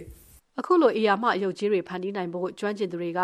ရှောက်သီးလိမ္မော်သီးတန်ချိန်ရာနဲ့ချီကိုအသုံးပြုခဲ့ကြရပါတယ် La fête du citron, c'est 140 tonnes d'agrumes. ပွဲတော်မှာရှောက်သီးလိမ္မော်သီးစုစုပေါင်းတန်ချိန်140အသီးပေါင်း9သိန်းဒီပါသုံးပြီးတော့အယုတ်ပုံကြီးတွေကိုပုံဖော်ထားပါတယ်သတင်းနှစ်ပတ်အတွင်းအချိန်ပြည့်မနာမနေပြင်ဆင်ခဲ့ကြတာပါပွဲတော်ကိုသတင်းနှစ်ပတ်ကြာကျင်းပတာဖြစ်လို့အဲ့ဒီကာလအတွင်းမှာအသီးတွေပုံပြတ်မသွားအောင်အသေးချာမြန်မြန်ဆန်ဆန်ပြင်ဆင်ကြရတာဖြစ်ပါတယ် ပြင်သစ်နိုင်ငံမှာ ရာသီဥတုတာယာပြီးတော့ကမ္ဘာလှည့်ဧည့်သည်တွေ အပန်းဖြေဖို့ လာလည်ကြလေးရှိတဲ့ နိုင်ငံတောင်ပိုင်းဒေသကမွန်တော်မြို့မှာ ထူးခြားတဲ့ရှောက်သီးပွဲတော်ကို အခု2024ခုနှစ်မှာ February လ18ရက်နေ့ကနေ March လ3ရက်နေ့အထိ ကျင်းပတာဖြစ်ပါတယ်။ပွဲတော်ပြီးသွားတဲ့အခါမှာအလှဆင်ထားတဲ့ရှောက်သီး လိမ္မော်သီးတွေတဲက စားလို့ရတဲ့ အသီးတွေကို ရွေးချယ် ရောင်းချကြပါတယ်။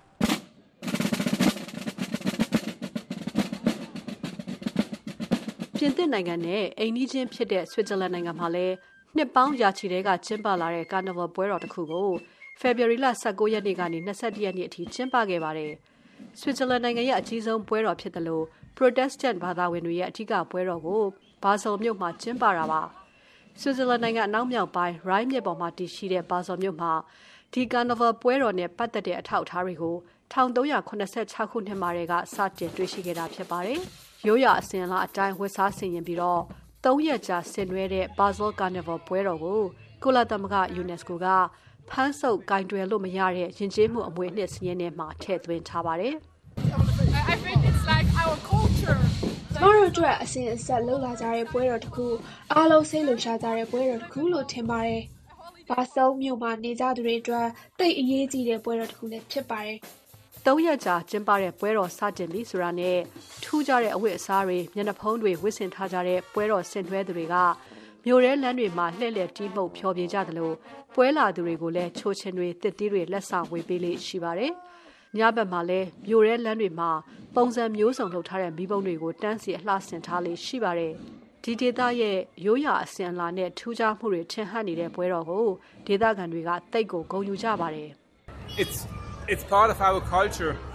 and uh, it belongs to us to our uh, identity ကျွန်တော်တို့ရဲ့ယဉ်ကျေးမှုအမွေအနှစ်တစ်ခုဖြစ်သလိုကျွန်တော်တို့ကိုပုံဖော်တဲ့ပွဲတစ်ခုလည်းဖြစ်ပါတယ်ပွဲတော်ကျင်းပတဲ့၃ရက်ကလည်းကျွန်တော်တို့အတွက်တိတ်ထူးခြားသလိုတိတ်လည်းပျော်ကြရပါတယ်ဆွစ်ဇာလန်နိုင်ငံအနောက်မြောက်ပိုင်းဒေသကပါဆော်မြို့မှာ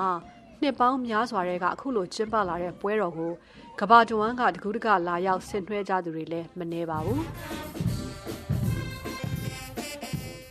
အခုလိုဥရောပနိုင်ငံတွေမှာချမ်းအေးပြီးတော့ညတာတိုးတဲ့ဆောင်းတွင်းကာလမှာအလင်းရောင်တွေနဲ့နှွေးထွေးစိတ်ကြည်နူးစေဖို့အတွက်ဒဲမတ်နိုင်ငံကိုပန်ဟေဂန်မြို့တော်မှာအလင်းရောင်ပွဲတော်ကိုဖေဖော်ဝါရီလရောက်တိုင်းကျင်းပပါတယ်။သတင်းသုံးပတ်ကြာတဲ့ Copenhagen Light Festival ပွဲတော်ကာလအတွင်းမှာမြို့ရဲကအထင်ကြီးနေရာတွေအဆောက်အဦတွေမှာဒီဇိုင်းပညာရှင်တွေကပုံစံမျိုးစုံမိအလှတွေပုံဖော်ထွန်းညှိထားကြပါတယ်။ဒီပွဲတော်ရဲ့ထူးခြားမှုတစ်ခုကတော့ညဘက်ပြေးပွဲဖြစ်ပါတယ်။ အမှောင်ထဲမှာလင်းစေတဲ့အဝတ်အစားတွေမီးရောင်စုံတွေကိုပေါ်မှာဝစ်ဆင်ပြီးတော့မီးအလှထွန်းထားတဲ့နေရာတစ်လျှောက်9ကီလိုမီတာခွဲကျော်ပြေးကြတဲ့ပွဲဖြစ်ပါတယ်။ It was beautiful. It was like the rain and all the lights made it almost magical. တိတ်ကိုလှပါတယ်။မိုးတွေထဲမှာမီးရောင်တွေကစိတ်ကြည်နူးဖို့တိတ်ကောင်းပါတယ်။ဝင်ပြေးခြင်းစိတ်တိတ်မရှိဘဲနဲ့ပြေးပွဲမှာပါဝင်ဖြစ်တာကိုလေကိုကိုကိုဝမ်းသာမိပါတယ်။ ဒန်မတ်နိုင်ငံကိုပင်ဟေဂန်မြို့တော်မှာတဘာဝအလင်းရောင်မရှိတော့တဲ့ ဖေဖော်ဝါရီလ ညတွေမှာ ညနေ9နာရီကစပြီးတော့မြို့တော်တဝမ်းမှာ ဒီဇိုင်းအလှဖန်တီးထားတဲ့ မီးရောင်တွေနဲ့ ပွဲတော်ကာလ လင်းထိန်တောက်ပနေပါတယ်။ကမ္ဘာနိုင်ငံစုံက ဒီဇိုင်းပညာရှင်တွေက မီးရောင်တွေသုံးပြီးတော့သူတို့ မီးမောင်းထိုးပြခြင်းတဲ့ သတင်းစကားတွေကို အလင်းရောင်တွေနဲ့ ပုံဖော်ပြသထားကြပါတယ်။နှစ်စဉ်ကျင်းပတဲ့ကိုပန်ဟေဂန်အလင်းရောင်ပွဲတော်ကို အခုနှစ်မှာတော့ဖေဖော်ဝါရီလ2ရက်ကနေ25ရက်နေ့အထိ ကျင်းပပါတယ်။ မီးအလင်းရောင်တွေကြောင့်ကိုပန်ဟေဂန်မြို့ရဲ့ရှုခင်းအလှ ထူးခြားသွားစေတယ်လို့ မြို့ကန်တွေပြောကြတဲ့ပွဲတော်ကို နှစ်စဉ် ဧည့်သည်3သိန်းထက်မနည်း လာကြတယ်လို့ ပွဲတော်စီစဉ်သူတွေက ပြောပါတယ်။ဒီပွဲတော်ဟာ ဥရောပမှာမိအောင်တွေနဲ့ ဒီဇိုင်းဖန်တီးပြသတဲ့ အကြီးဆုံးပွဲတော်တစ်ခုလည်း ဖြစ်ပါတယ်ရှင်။ကျွန်မ စုမြတ်မော်ပါ ဖေဖော်ဝါရီလမှာကျင်းပတဲ့ဥရောပကပွဲတော်တွေအကြောင်းမဆုမြတ်မွန်တင်ဆက်ပေးခဲ့တဲ့ကဘာတလွားခီးသွားအစီအစဉ်ကနေနားဆင်ခဲ့ကြရတာပါ။အင်္ဂါညရဲ့အပတ်စဉ်အစီအစဉ်တွေကတော့ဒီလောက်ပါပဲရှင်။ဒီညအတွက်အစီအစဉ်တွေမကြခင်ပြီးဆုံးတော့မှာမို့အခုဆက်ပြီးတော့နောက်ဆုံးရသတင်းအချင်းချင်းကိုမခင်လေးကဆက်ပြီးတော့ပြောပြပေးပါမယ်ရှင်။ နိုင်ငံအများအပြားက ကိုယ်စားလှယ်တွေ ညှိနှိုင်းဆောင်ရွက်နေတဲ့ ဂါဇာကမ်းမြောင်ဒေသ အပစ်အခတ်ရပ်စဲရေး အစီအစဉ်သစ်ကို ရှေ့သီတင်းပတ်အစောပိုင်းမှာ စနိုင်ဖို့ မျှော်လင့်တယ်လို့ အမေရိကန်သမ္မတ Joe Biden က ပြောပါတယ်။သီတင်း ၆ ပတ်ကြာ အပစ်အခတ်ရပ်စဲရေး သဘောတူညီချက်ရဖို့ စေ့စပ်ညှိနှိုင်းသူတွေက ကြိုးပမ်းနေကြတာပါ။ဒီသဘောတူညီချက်မှာ ဂါဇာမှာရှိတဲ့ ဟာမတ်စ်စစ်သွေးကြွတွေ ဖမ်းဆီးထားတဲ့ ဓားစာခံတွေ လွှတ်ပေးရေးအပြင် အစ္စရေးဘက်က ဖမ်းဆီးထားတဲ့ ပါလက်စတိုင်းအကျဉ်းသားတွေကို လွှတ်ပေးရေး စတာတွေလည်း ပါဝင်ပါတယ်။ဒါ့အပြင် ဂါဇာကမ်းမြောင်ကို လူသားချင်းစာနာထောက်ထားမှုဆိုင်ရာ အကူအညီတွေ သယ်ဆောင်လာတဲ့ ထရပ်ကား ရာနဲ့ချီနေ့စဉ်ဝင်ရောက်နိုင်ရေးအတွက်လည်း သဘောတူညီချက်ရဲ့ အစိတ်အပိုင်းတခုအဖြစ် ပါဝင်လာနိုင်ပါတယ်။မြန်မာ့အရေးနဲ့ပတ်သက်လို့ ထိုင်းနိုင်ငံနဲ့ အိန္ဒိယနိုင်ငံကြား မဟာဗျူဟာမြောက် အလျင်အမြန် ပူးပေါင်းဆောင်ရွက်ကြဖို့ လိုအပ်နေပြီဖြစ်ကြောင်း ထိုင်း ဒုတိယနိုင်ငံခြားရေးဝန်ကြီး Sihasak Phuangketkeow က ပြောကြားလိုက်ပါတယ်။မြန်မာနိုင်ငံမှာ ကြုံတွေ့နေရတဲ့ ပဋိပက္ခတွေအတွက် အာဆီယံနိုင်ငံတွေအနေနဲ့ ဒေသတွင်းက အဖွဲ့အစည်းတွေနဲ့အတူ အိန္ဒိယနဲ့ လက်တွဲဆောင်ရွက်ကြဖို့ လိုအပ်တယ်လို့လည်း အိန္ဒိယနိုင်ငံကို ရောက်နေတဲ့ ထိုင်း ဒုတိယနိုင်ငံခြားရေးဝန်ကြီးက မနေ့ ဖေဖော်ဝါရီလ ၂၆ ရက်နေ့က အိန္ဒိယ ကမ္ဘာ့ရေးရာကောင်စီ ICWA မှာ ပြောကြားတဲ့ မိန့်ခွန်းကို ကောက်နှုတ်ပြီး အိန္ဒိယသတင်းတွေမှာ ကိုးကားဖော်ပြကြပါတယ်။မြန်မာနိုင်ငံမှာဖြစ်နေတဲ့ နိုင်ငံရေးပဋိပက္ခတွေနဲ့ အိမ်နီးချင်းနိုင်ငံတွေရဲ့ စီးပွားရေးပြဿနာတွေကြောင့် ယခုနှစ်အတွင်း ထိုင်းနိုင်ငံရဲ့ နယ်စပ်ကုန်သွယ်ရေးလုပ်ငန်းတွေ နှေးကွေးနိုင်တယ်လို့ ထိုင်းစက်မှုလုပ်ငန်းအဖွဲ့ချုပ် FTI က ပြောပါတယ်။မြန်မာ၊လာအို၊ကမ္ဘောဒီးယား၊မလေးရှားတို့နဲ့ နယ်နိမိတ်ချင်း ထိစပ်နေတဲ့အတွက် ထိုင်းနိုင်ငံဟာ အဆိုပါနိုင်ငံတွေရဲ့ စီးပွားရေးတိုးတက်မှုဆိုင်ရာ စိန်ခေါ်မှုတွေနဲ့ ရင်ဆိုင်နေရတာ ဖြစ်ပါတယ်။ သတင်းချင်းချုပ်ကိုမခင်လေးကပြောပြပေးသွားတာပါအင်္ဂါညရဲ့အစီအစဉ်တွေကတော့ဒီလောက်ပါပဲရှင်ဒီကနေ့ညအတွက်အစီအစဉ်တွေကိုမတ်ဆုမိုကကိုစီသူနဲ့အတူတွဲဖက်ထုတ်လုပ်ပေးခဲ့တာပါစပိုင်းဆိုင်ရာအင်ဂျင်နီယာတွေကတော့ Rock McLean နဲ့ John Dryden တို့ပဲဖြစ်ပါတယ်အခုထုတ်လွှင့်ပြီးတဲ့အတန်းလွင့်အစီအစဉ်ကိုအစီအစဉ်ပြီးပြီးချင်းည10:00နာရီကနေ17:00နာရီမှလည်းတလဲပြန်ပြီးတော့နားဆင်နိုင်ပါတယ် VOA ကိုနားတော်တာဆင်ပေးခဲ့ကြတဲ့အတွက်လည်းကျေးဇူးအထူးပဲတင်ရှိပါတယ်တော်တာရှင်များနဲ့တကွမြန်မာပြည်သူပြည်သားအားလုံးဘေးရန်ရခတ်သိမ်းကင်းကျင်းပြီးတော့လူရဆန္ဒပြေဝကြပါစေရှင်ကျမလိမ္မာပါ 嗯。